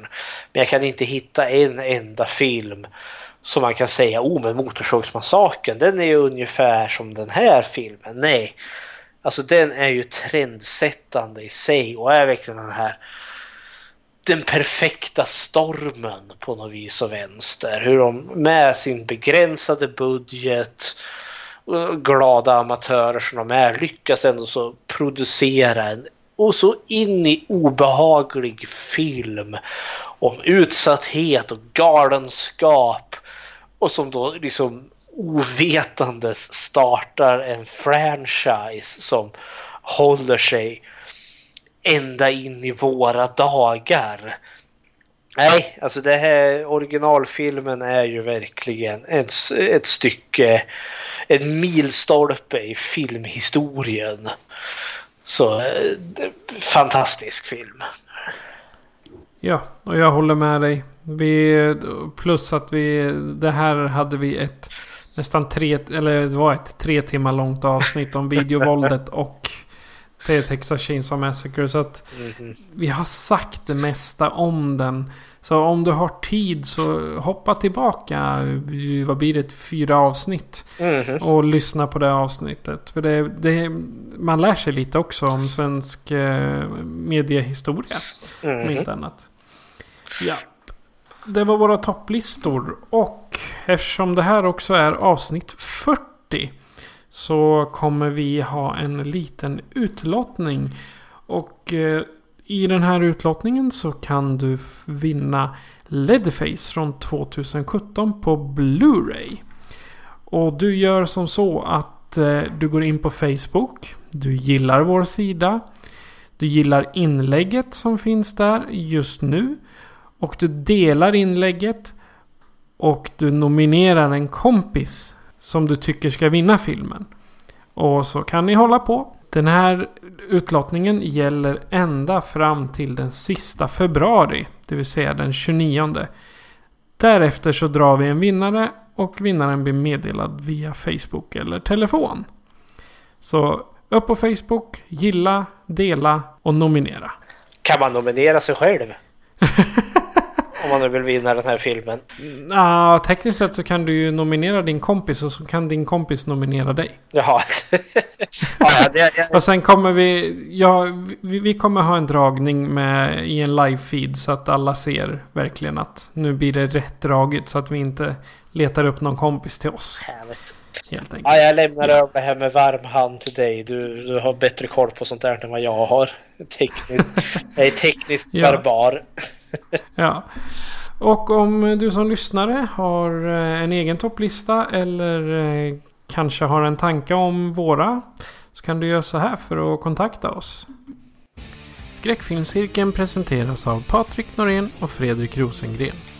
Besök skräckfilmscirkeln.com för att se hur du kan kontakta oss, var du kan följa oss och hur du kan stödja oss. Lämna gärna ett betyg på iTunes, Spotify eller Podbean så att fler kan njuta av våra diskussioner. Tack för att du lyssnar! Och Fredrik, vad ska vi se nästa gång? Nu återvänder vi till eh, schemat som skräckfilmscirkeln satte upp eh, efter våran lilla avstickare här med Motorsågsmassakern. Eh, och då kommer vi ge oss i kast med filmer som kallas för antologier. Och då kommer vi se filmen VHS som kom 2007 vill jag säga. Med reservation. Okej, ska titta. Den kanske finns på Netflix till och med. Ja, den finns på Netflix enligt eh, vad eh, internet säger. Men VHS är en väldigt bra film faktiskt. Mhm. Okej, motorsågsbensinen är slut och Japp. vi är trötta. Så Ja.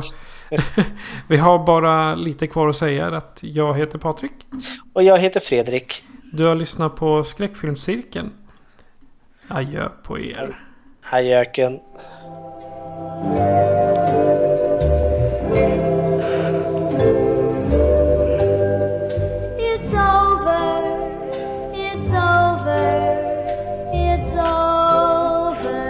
Spelar du någon musik här nu eller?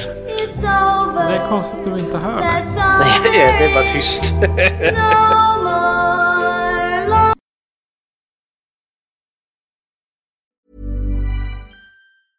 Hey, it's Paige DeSorbo from Giggly Squad. High quality fashion without the price tag. Say hello to Quince.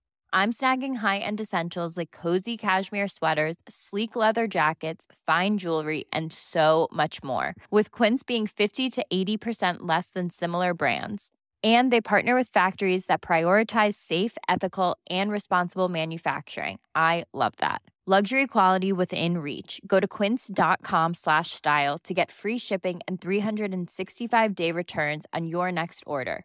Quince.com slash style.